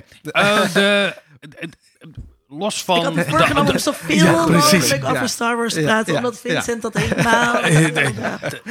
nou, ik vind, het, ik, ik vind het heel grappig dat de, het gesprek wat jullie hebben over Star Wars, dat het door klassici gevoerd wordt eigenlijk open epische dichten nou, van 2000 jaar geleden, waarin ook mensen zeggen, nee, dat was helemaal niet de functie of de rol en wat dan ook. Dus het, het verschil tussen uh, het fandiscours en, en, en wetenschap, uh, nou, als ze dienen zich van een ander instrumentarium weliswaar. Nou ja, ze hebben een andere, ze hebben, nou bedienen ze zich van vergelijkbaar dezelfde instrumentaria vaak. Want close reading. Close reading, ja. Close reading. Eindeloos dingen herkijken. Intertextualiteit ook. Dus dat is hè, de verwijzingen, hoe uh, uh, scènes elkaar spiegelen of zo. Er zijn allerlei spelletjes in die semiotiek. Dat zijn allemaal dingen die daar ook in worden gevonden. Uh, ja, ik weet niet. Het enige is dat we gewoon het ene zien als hoog en oud en goed. En het ander als, als, als laag. Als ik dat zou bewijzen met mijn proefschrift, dat dat, dat die betekenisconstructie, uh, ja, dat dat eigenlijk heel vergelijkbaar is, dan uh, ben ik heel tevreden. Maar daarmee ga je die discussie over hoog en laag natuurlijk niet beslechten. Uh, nee, maar nee, ja, dus mensen zullen. Ik denk dat ik. Ik ken geen klassicus die het hier met mij eens zal zijn. Die zal zeggen: ja, maar goed, objectief. Uh, het heeft toch niet de diepgang die, uh, die, die de Eneas heeft of zo. Dat denk dat de meesten dat zouden zeggen. Zou je niet heel graag als superhelden power willen hebben, dat je dan terug in de tijd kon gaan, zodat je kon zien zeg maar, of ook een soort uh, uh, culture wars gaande waren. Ja, ja. over, over de Ilias. Ja, ja, dat zou ik zo leuk vinden. Of, dit, nee, of, of ik zou graag... Als het lijkt me fantastisch bij verdediging als je zegt... ja, maar mensen, ik heb getijdreisd. Ik was erbij. Ja, ik was erbij. En dan, en dan gaan mensen zeggen, nee, dat kan helemaal niet. oh, hoe weet je, dat eigenlijk? Hoe weet je het gezien? Ja. Ja. Of leuker nog, dat je de toekomst kijkt... en dat je dan ziet dat mensen over 500 jaar... naar, weet ik veel, Star Wars, Lord of the Rings, Marvel... terugkijken als zijnde een verheven uh, soort van begin van een, van een bepaalde culturele traditie.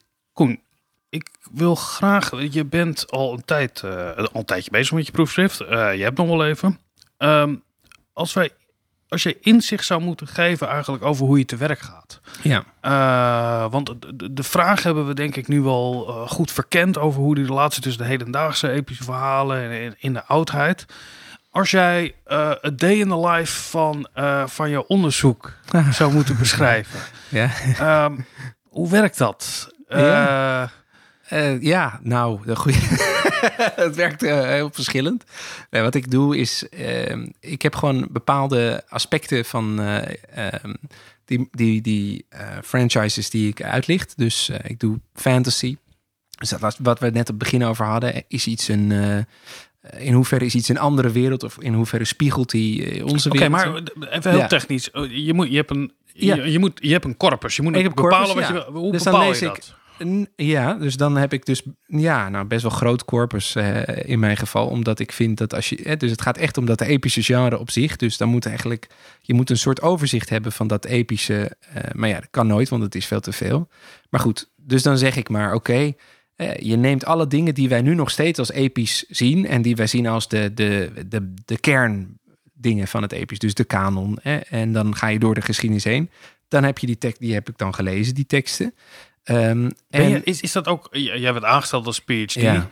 Uh, er was een eerste maandag, je kreeg een koffiekaart, een sleutel en een bureau. Ja, toen ben ik gaan lezen inderdaad. Ja, is dat, nee, maar dat, ik, ik vind het leuk om dat te horen, om het ook heel concreet, oh, heel concreet, te maken over uh, hoe werkt eigenlijk ja. geesteswetenschapper. We ook wel weten wat er in zijn corpus zit. Ja, ja komen dus, we daarop. Nou, de corpus, ja, dus ik, ik lees eigenlijk alle klassieke epen, dus dat, uh, maar echt allemaal. Dus uh, Homerus, uh, Apollonius, Rhodius over de Argonauten, Vergilius over de Aeneis. Maar en dan, dan heb je nog in de Romeinse tijd nog meer epen.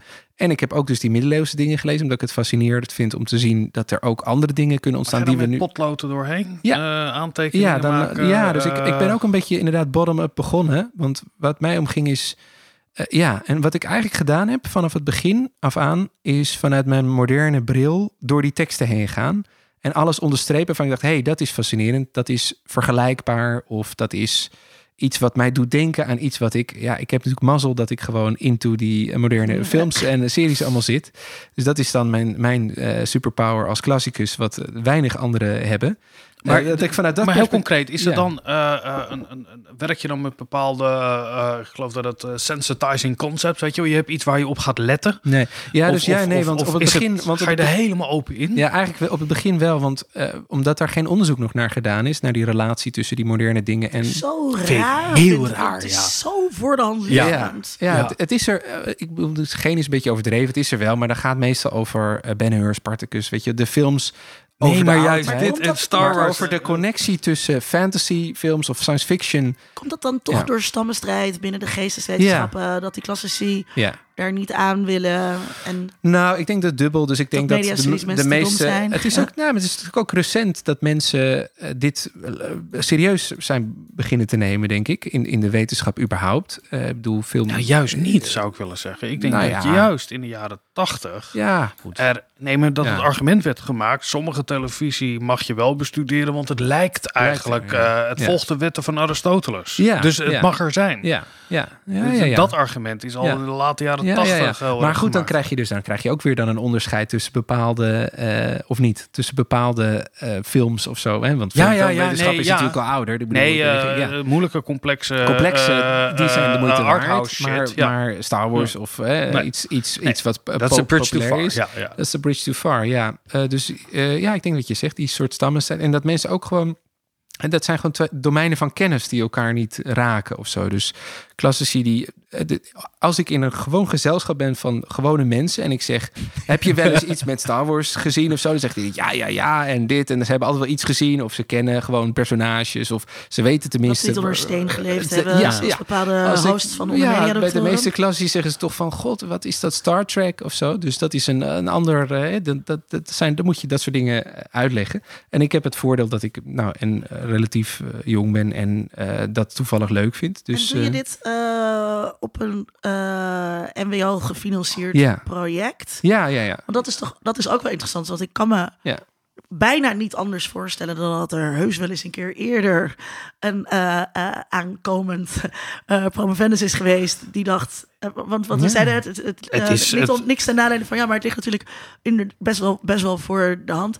Dat, dat er dan gezegd werd door klassici, nee, dat gaan we niet doen. Ja. Uh, of door um, um, mediaonderzoekers, uh, nee, dat gaan we niet doen. Ja, en dat er dan nu toch een moment is ik, waarin dat wel gefinancierd wordt. Ik, ik weet niet hoe dat mij gelukt is. Inderdaad, ik ben blij met het project waarin ik zit. Het heet Anchoring. Is het eigen voorstel? Ja, het is mijn eigen voorstel. Ja, ja, dat heet, uh, ja, dus het project heet Anchoring Innovation. Dat, dat thema, dat sluit erbij aan. Want wat dat project wil doen in het algemeen, is eigenlijk kijken hoe dingen die heel innovatief lijken of zijn, um, hoe die juist om dat innovatieve te doen, gebruik maken van structuren of uh, uh, betekenis of whatever, verwijzingen naar, iets uit de oudheid, zeg maar. Of uh, gewoon ervaring of kennis of whatever. Um, en dat is een heel breed project en daar kan van alles in zitten. Um, maar dat gaf mij wel de gelegenheid om dit, ja, om dit te pitchen, zeg maar. En dat, dat was blijkbaar succes. Maar ja, ik weet niet waarom dat nou niet eerder in de wereld gedaan is, eerlijk gezegd. Ik denk ook, als, om dat te doen heb je natuurlijk ook begeleiders of mensen nodig die daar iets mee, affiniteit mee hebben of zo. Dus, dus voordat iets uh, op gang komt, uh, moet je ja, meerdere generaties. Je loopt altijd een generatie achter, denk ik eigenlijk. Ja, ja, ja, ja. ja dat is interessant. Ja.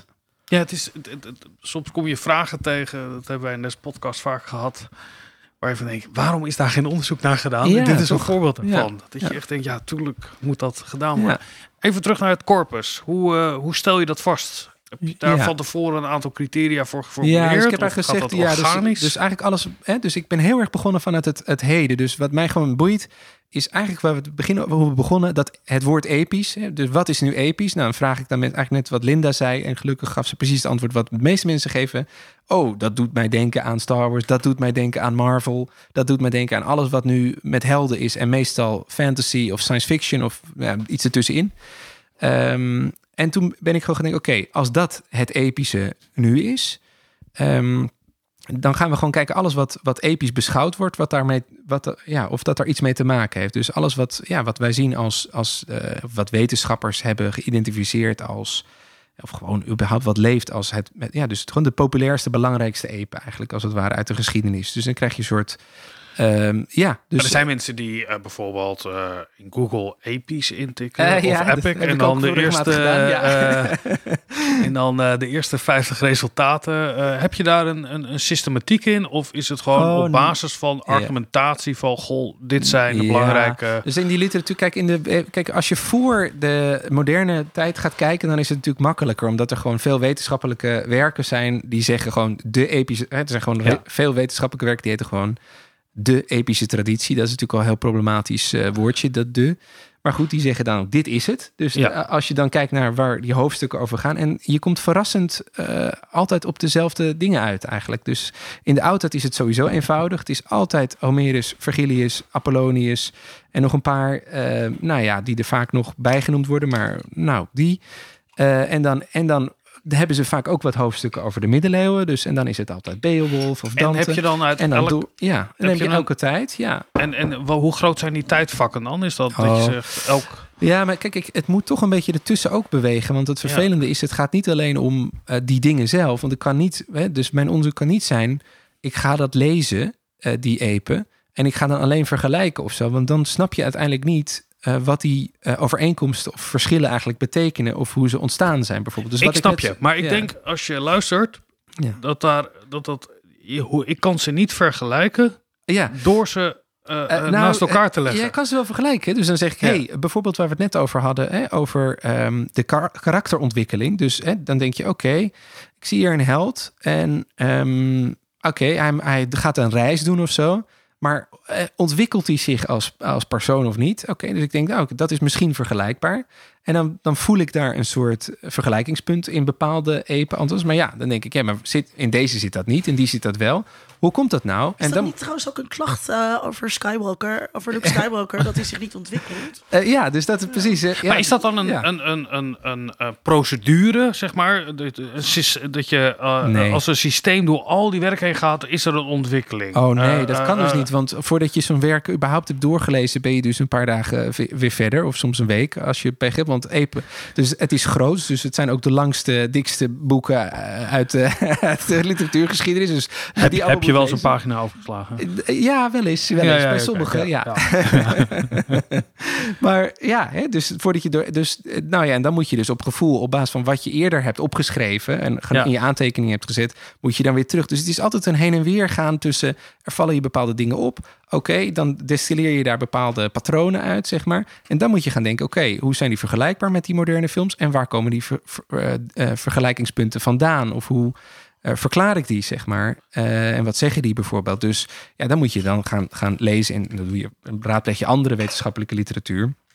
Uh, die daar aanknopingspunten geeft van, oh oké, dus karakterontwikkeling of zo, daar is wel iets over geschreven. En dan, en dan duik je bijvoorbeeld de interpretatietraditie in, in de middeleeuwen of in de, in de renaissance. Dus het is een soort van, je, je, leest, je leest dat alles, je destilleert patronen en dan ga je die patronen ja, uitpluizen. En dat is helaas, dat is, dat is een soort ontdekkingstocht. Hè? Dat is niet, Ik vind het heel leuk dat je ehm, begint zeg maar, bij je eigen kennis van die hedendaagse ja. epen. Ja.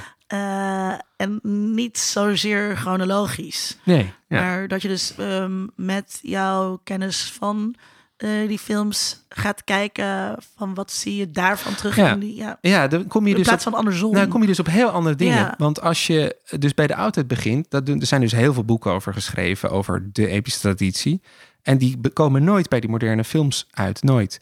Alleen maar omdat zij zeggen: oké, okay, eh, epische traditie gaat over de oudheid. Daar zijn helden en er zijn goden in.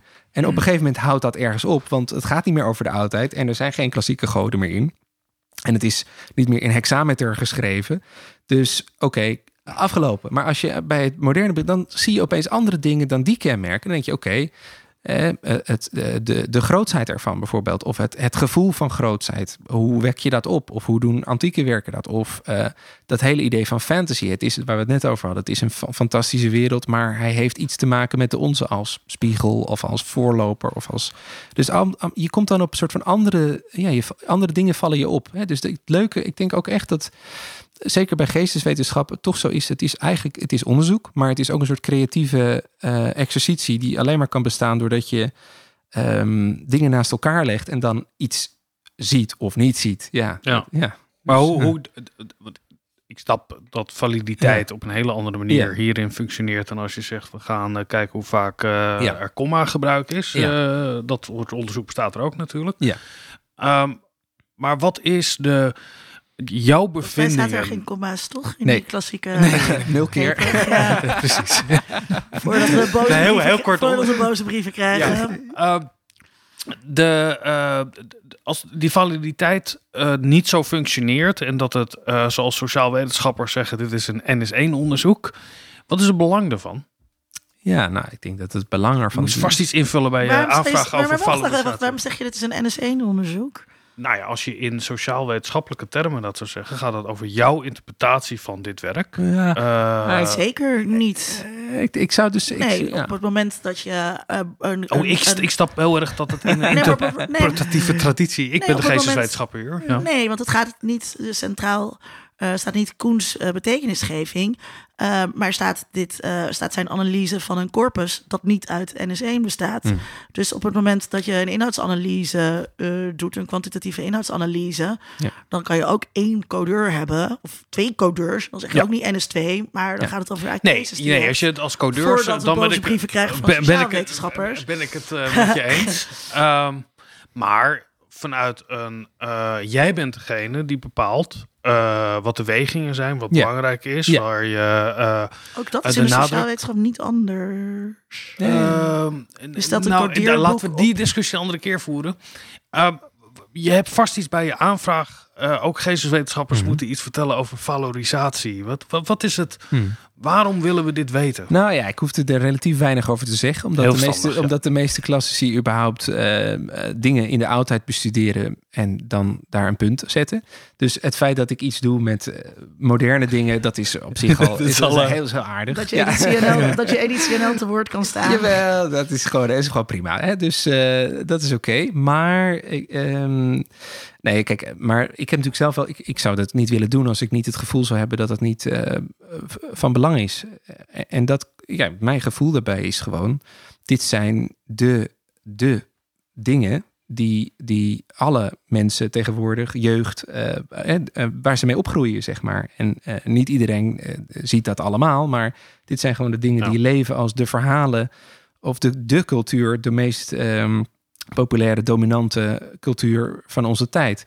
Dus ja, ik vind het belangrijk ten eerste dat we daar uh, kritisch naar kijken en, uh, en dat serieus nemen. Dus dat, dat is, maar dat kun, kan je ook van allerlei perspectieven doen.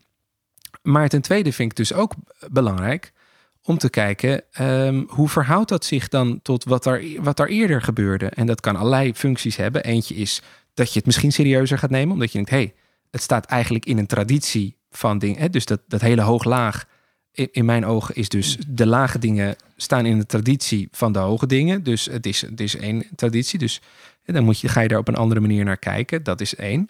Maar anderzijds ook dat je, dat je um, verschillen ziet of dat je ontwikkelingen ziet, zoals dat punt van karakterontwikkeling of dat hè, uh, al die epen zeggen vaak iets over wat, hoe werkt politiek of hoe, wat is goed en kwaad in een tijd of zo.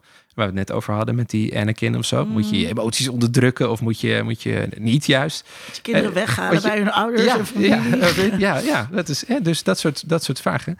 Uh, en als je te leiden in een rare religie. Ja, nee, maar überhaupt in die verhalen, als je daar bepaalde patronen in ziet, dan ga je, dat vind ik altijd heel belangrijk, gewoon prettige relativering van je eigen tijd. Ja, nu eh, zeggen wij tegen onszelf via deze dingen die wij elke dag kijken op Netflix en wherever en uh, videogames en alles, dat dit goed is of dat dit helden zijn. Uh, maar in de oudheid hadden ze een heel ander idee over helden. En in de middeleeuwen hadden ze weer een ander idee over helden. En door de hele geschiedenis heen veranderd dat. En dat is dus dit punt het, het, het goed. Mag ik nog wat vragen, Vincent? Ja.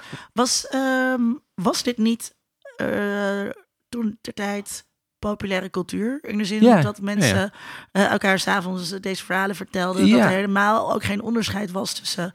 Of dat je überhaupt kunt afvragen of er een onderscheid was tussen hoog en laag cultuur. Nou, dat was op een gegeven moment wel. Dus er zijn, dat verschilt ook in de... En dat is, ik denk eigenlijk dat dat hoog en laag cultuur, dat is iets van alle tijden. En elke keer veranderen die grenzen weer. Dat dus, toch allemaal stiekem uh, vulgaire plaatjes en zo ja, in de, in de nou oudheid. Ja, dus ja. Uh, bijvoorbeeld. Maar ik denk dat uh, dus die, die, die performances van Homerus of zo, die, dat, waren, dat waren gewoon ja, publieks performances. En die, we weten niet precies wie daar allemaal bij waren of zo. Dus Homerus is dan lastig, maar um, uh, die middeleeuwse epen bijvoorbeeld, waar ik het net over had, dat, dat, dat, dat waren echt volksvertellingen, uh, zeg maar. Ook verhalen van de tijd. Dus je ziet vaak een ontwikkeling waarbij eerst iets eerst populair is en, en iedereen aanspreekt. En dan uitgroeit tot een begin van een traditie. Of, uh, en, dat mensen, en dan gaan mensen natuurlijk interpreteren en er iets over schrijven en iets mee doen. En dan groeit het in status. En op een gegeven moment, dan vinden we het gewoon. Um, het hoge, zeg maar. Ja, dus dat, dat, heb je, ja, dat heb je al die tijd. Dus dat, dus dat vind ik ook uh, heel relevant. Die, die soort van nuance van hè, dat, dat, dat wat hoog en laag is, waar we het net ook over hadden. Ja, uh, in mijn optiek zijn, uh, ja, is Um, is dat dus inderdaad vergelijkbaar hoe klassici of andere mensen uh, eeuwen en na eeuwen uh, weer de Aeneas zitten te lezen en daar weer een nieuwe interpretatie over hebben en boos worden op elkaar omdat ze zeggen nee, Aeneas was, uh, was geen held, hij was een anti-held of zo. En dat, dat is een soort, maar, ja, vergelijkbaar. Jij, jij bent begonnen door deze epen te lezen ja. en daarmee denk je iets te begrijpen over deze oudheid. Wat we zeggen dat over 2000 jaar iemand de dvd's opgraaft van Star Wars ja, precies, en wat dan. Wat, wat, wat, wat zou het beeld zijn wat daaruit naar voren komt over wat zegt over deze tijd? Ja, dat vind ik een uh, belangrijke vraag. Uh, kijk, ik denk dus dat je dan dus diezelfde uh, discussie krijgt als over de Enees. Namelijk dat je twee kampen zult hebben. Dat ze denken, god, die mensen die waren ook schizofreen. Want enerzijds zijn die, die Imperials, dat zijn een soort nazi's. Hè, dus je weet misschien dat in Star Wars heb je dan de Empire en dan Uh, ja, die hebben grijze pakjes aan en die doen af en toe dingen die best wel lijken op een soort Hitlergroet. En ze hebben een keizer en er is iemand die vanuit een republiek alle macht naar zich toe heeft gegrepen. Net zoals trouwens keizer Augustus in de oudheid, maar ook democratische wijze, ja, hè, maar ook als een soort Hitler. This is dus, how liberty dies with ja, thunderous applause. Ja, ja, dus dan denk ik, oké, dus de helden zijn dan lekker de Amerikanen en Oké, dus dat zouden dan de optimisten zijn in het, uh, in het Aeneas-debat. Die zeggen, ja, Aeneas is gewoon een goede jongen. En, uh, en, Luke en Anakin, nou ja, allemaal prima. Of Anakin dan niet, maar die wordt dan slecht. Um, anderzijds, dan kom je dus op wat Linda net zei... is dat mensen zeggen, ja, maar ho eens even... Die, juist die goede worden ook geproblematiseerd. En in die later films is het natuurlijk zo... Um, wat, wat George Lucas, de maker, altijd zelf gezegd heeft, is wat mensen vreselijke scène vonden in de jaren 80 al en 90 en nog steeds, zijn die um, teddyberen die dan op een gegeven moment komen in uh, Return of the Jedi, de Ewoks, ja. En zeggen ze, wat moeten die teddyberen er nou? En dan gaan ze met, met pijlenboogjes en steentjes, gooien ze op die, op, die, uh, op die helmen van die stormtroopers en dan vallen ze nog om ook. Waar slaat dat op? En mensen vinden het totaal uh, idioot. Maar daarvan heeft hij altijd gezegd, ja, dit is een soort hè, vergelijkbaar met de Vietcong en hoe die in Vietnam de strijd aanbonden met een, een, een ja, veel sterkere, technologisch geavanceerder iets. En, en eerlijk gezegd, als je terugkijkt, dan denk je, ja, overduidelijk. Hè? Het is een soort guerrilla-oorlog die ze daar in, de, in het bos, weet je wel. En, en die Palpatine heeft ook een, een, een office wat helemaal uh, ovaal is enzovoort. Wat je dan dus krijgt is dat de Empire, dat zijn dus niet de nazi's en de rebellen de goeie, maar dan in die lezing, hè, als we dus het, uh, onze interpretatie erop loslaten als zoals klassici nu met de oudheid doen. In die lezing uh, is de Empire dan Amerika uh, en zijn de rebellen dus uh, de, de, vijanden van Amerika of zo. En dat moet je dan dus een gevoel geven van eh, een soort kritische spiegel of zo, waarbij je denkt, ja, zijn slechte kanten aan de moderne staat. En ja, dus ik denk zelf dat het een soort tekst is, een soort verhaal is, wat al die verschillende um, kanten en struggles en um, dingen die leven in onze tijd en bovendien dus echo's van belangrijke periodes uit onze geschiedenis, paradoxaal genoeg tegenstrijdige dingen in één uh, verhaal kan uh, samenbrengen. Maar kijk, het grote verschil is natuurlijk dat ze over 2000 jaar jouw proefschrift hebben. En dan ja, zegt ja. Koen Vakano, uh, de jongen heeft geschreven. Ja. Uh, de oude, misschien uh, als je kinderen ooit nog een kritiek gaan schrijven daarop, dan wordt dat anders. Tenzij het dan verloren is gegaan in de... Ja. Laten we de grote vraag beantwoorden. En Linda, jij mag als eerste. Hebben we genoeg over Star Wars gehad trouwens? Nee. Nee, nee, nooit genoeg over Star Wars. Nooit genoeg over Star Wars. Maar dat kan bij de nazit, denk ik. Hoe werken klassieke epische verhalen, tradities door in hedendaagse films? Is de vraag die we ons vandaag gesteld hebben. Uh, ja, ik kan geen, denk ik geen uh, opsomming geven van die specifieke manieren. Wat ik, uh, dus misschien, ik ga de vraag een beetje ontwijken en zeggen wat ik het interessantst vond uit het verhaal wat jij vertelde is uh, ook wel een van mijn stokpaardjes als cultural studies uh, uh, onderzoeker, is dat hele vrije spel van betekenisgeving. En ik denk um, dat zeg maar zoals ik uh, op het gymnasium uh, die, die klassieke epen heb gekregen, was gewoon hier gaat het over, dit is het. dat stond dan gewoon in het tekstboek en dat, en dat moest je dan maar overnemen. En um, dat, dat willen vastzetten van betekenis is denk ik van alle tijd. En ik vind juist die strijd daarover heel interessant. Dus ik vind het zelf nu een heel spannend idee waarmee ik dus in mijn hoofd zit. Um, met, oké, iemand, uh, uh, iemand vertelt dus um, in het atrium uh, op, een mooie, op een mooie lenteavond, um, hertelt de Virgilius, hertelt Virgilius en um, en daarna ontstaat daar dus een levendige discussie over met heel veel wijn.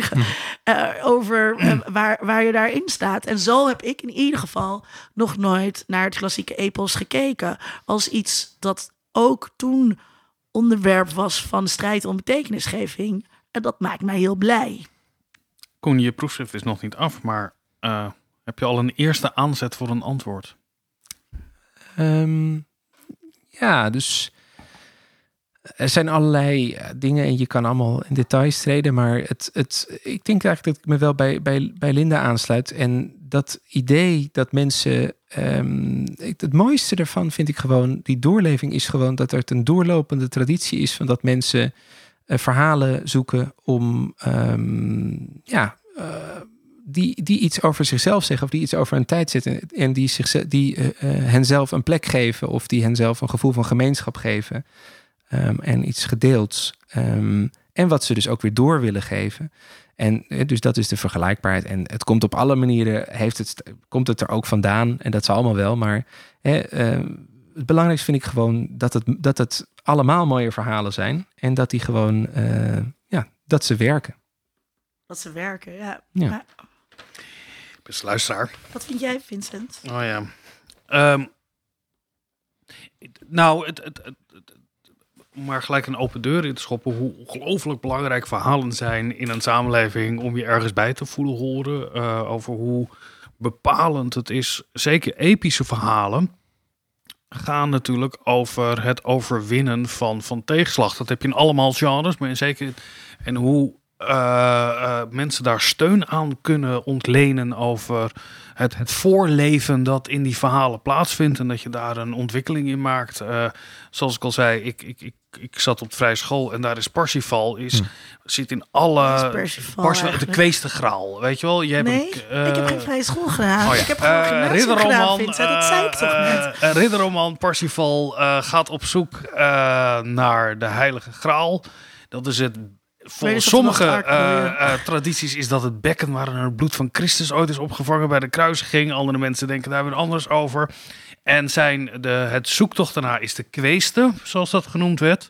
En de, de, dan de, de strekking is altijd: het gaat niet om de graal vinden, het gaat eigenlijk om de weg. Uh, zoals Goethe al dichten. Precies. En waarom, uh, waarom, waren waarom zijn de antroposofen zo dol op dit verhaal? Hmm. Nou, Rudolf Steiner was heel erg dol op dit verhaal. Met name omdat dit een, eh, een, een in een vroeg-christelijke traditie uh, zat. Wat heel erg ging over een ontwikkelingsweg die je als hmm. individu, maar ook als samenleving of met elkaar had. En Steiner was nogal bezig met ontwikkelingscycli. Uh, over hoe die eruit zagen. Waar in Parsifal een heel belangrijk uh, allegorisch verhaal in was.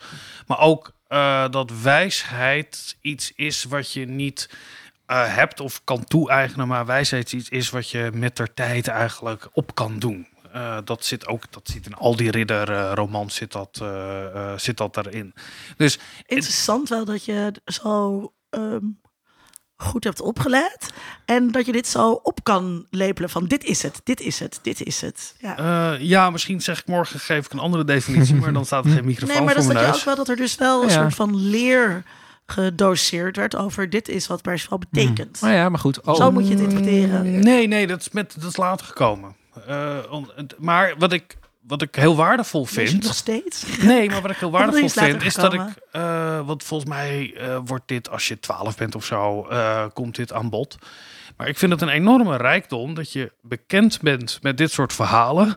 En dat je als je 24 bent en 36 en straks als ik 48 ben, mm dit soort verhalen steeds opnieuw een betekenis krijgt. Zoals je dat in lees je het nog? Nee, ik lees het niet meer. Uh, ik, ik weet niet eens of ik het ooit gelezen heb. Volgens mij zat het in de orale traditie dat dat werd voorgelezen en verteld met, ja, met mooie afbeeldingen erbij. Uh, ja. Je kan het lezen uiteraard. Ja, maar dat verhalen een nieuwe betekenis krijgen, zeker dit soort epische verhalen, waardoor je iets hm. begrijpt, nu uit verhalen, nu ik uh, midden 40 ben, dat ik niet begreep nou ja, ik midden 20 want was. daar hebben we het natuurlijk nog niet over gehad, want eh, we hebben het over, nou, Star Wars zegt iets voor onze tijd, Virgilius zegt iets voor zijn tijd, prima, maar wij lezen nu, uh, en niet iedereen, maar wij lezen nog die dingen. Hè? Wij lezen nog steeds ja. Homerus en we lezen nog steeds Virgilius en Parsifal ja. en allerlei verhalen. En blijkbaar dus we hadden het net over Star Wars in de historische context van de 20e eeuw, Vietnam, de Tweede Wereldoorlog. En we hadden het over Vergilius in de context van Augustus, uh, rond de eeuwwisseling van het jaar nul. Uh, maar blijkbaar zit er toch ook iets in dat um, uh, 2000 jaar later, of uh, 500 jaar later, of 1000 jaar later, nog steeds op een of andere manier vertaalbaar is. En dan kom je misschien, zoals in jouw geval, op die. Dus dan wordt het misschien wat abstracter of zo. Ik weet niet waar, waar Parsifal in zijn eigen. Ik weet te weinig van Parsifal, maar waar het in zijn eigen context dan precies uh, in het politieke netwerk of zo een functie had. Maar ja, wij kunnen er blijkbaar wel weer iets uithalen. En dat zegt ook iets over de rijkdom van zo'n, uh, van zo'n tekst op zich. En dat is natuurlijk mooi. En er ja. alsnog weer ruzie over krijgen. En er weer ruzie over, ja. En dat, is, dat is wel ja. het ultieme verlies, denk ik, van de, uh, zeg maar, de mensen die zich heel erg focussen op de tekst alleen en dus ja. niet op productie of receptiepraktijken. Ja. Om daar nog maar even naar uit te halen. Maar dat, de, dat idee van dat er een betekenis vast te stellen is, laat juist denk ik ook, als je dus kijkt naar die geschiedenis van het scholarship over die klassieke epen, ja. laat zien, nee, dat kan dus niet. Nee. Als we dat na uh, 2.500 jaar nog steeds niet kunnen, Precies. gaat het niet meer gebeuren. Ja, en ja. Iets wat me te binnen schiet. Uh, uh, richt je ik wil eigenlijk heel flauw zeggen, de dekolonisatie heeft yeah. het, het, het klassisme, hmm. uh, klassicisme. Ja, vraag. Ja, waar, hoe zit het met de grote eti, de Indiaanse e, ja. epen? Uh, Goeie vraag, ja. Ja, ik heb wel. Uh, nou, de Ga je sowieso krijgen bij Ja, ja verdorie. Ja. Nee, het is heel lastig. Het is echt lastig. Weet je wat het moeilijke is? Dus um, ik heb wel. Dus ik heb Gilgamesh Epos gelezen en de Mahabharata heb ik ook. Uh, nou ja, dat, dat, is heel. Dat is gigantisch. Dus dat is. Dat, ik, ik ben daar niet nog aan begonnen. Maar goed, ik. Uh, ik wil dat wel lezen. Uh, dus ik probeer wel ook dingen. Het is dus, altijd een Reader's Digest versie ja, die je ook kan lezen. Ja, uh, maar, ja, inderdaad. Maar goed, uh, nou ja, ik vind wel dat je eigenlijk dan helemaal moet lezen. Maar ik heb dus wel, de, voor klassici is dat heel wat dat ik dan wat dingen niet in het Grieks en Latijn, maar in het Duits of Frans er ook bij heb gedaan. En überhaupt dingen uit late tijden. Maar ja, hè, waar um, het, het moeilijke voor mij is gewoon expertise. Dus ik ben expert in uh, Latijn en Grieks. Althans, zo ben ik uh, opgeleid. En in die literatuur, zeg maar. Heb jij het ook in het Latijn en Grieks gelezen? Ja, ja, ja, ja. ja. Ja. John Dory. Ja, ja, hoewel ik moet, ik moet eerlijk toegeven dat mijn Latijn beter is dan mijn Grieks. Dus Latijn lees ik ja, echt, echt in Latijn. En Grieks lees ik in het Grieks, maar dan uh, gebruik ik wel vertalingen uh, erbij om uh, af en toe wijs uit te worden als ik het Kun even niet meer snap. Ja. Latijn doen? op de vrije school kan je niet eens eindexamen doen. Dus, uh...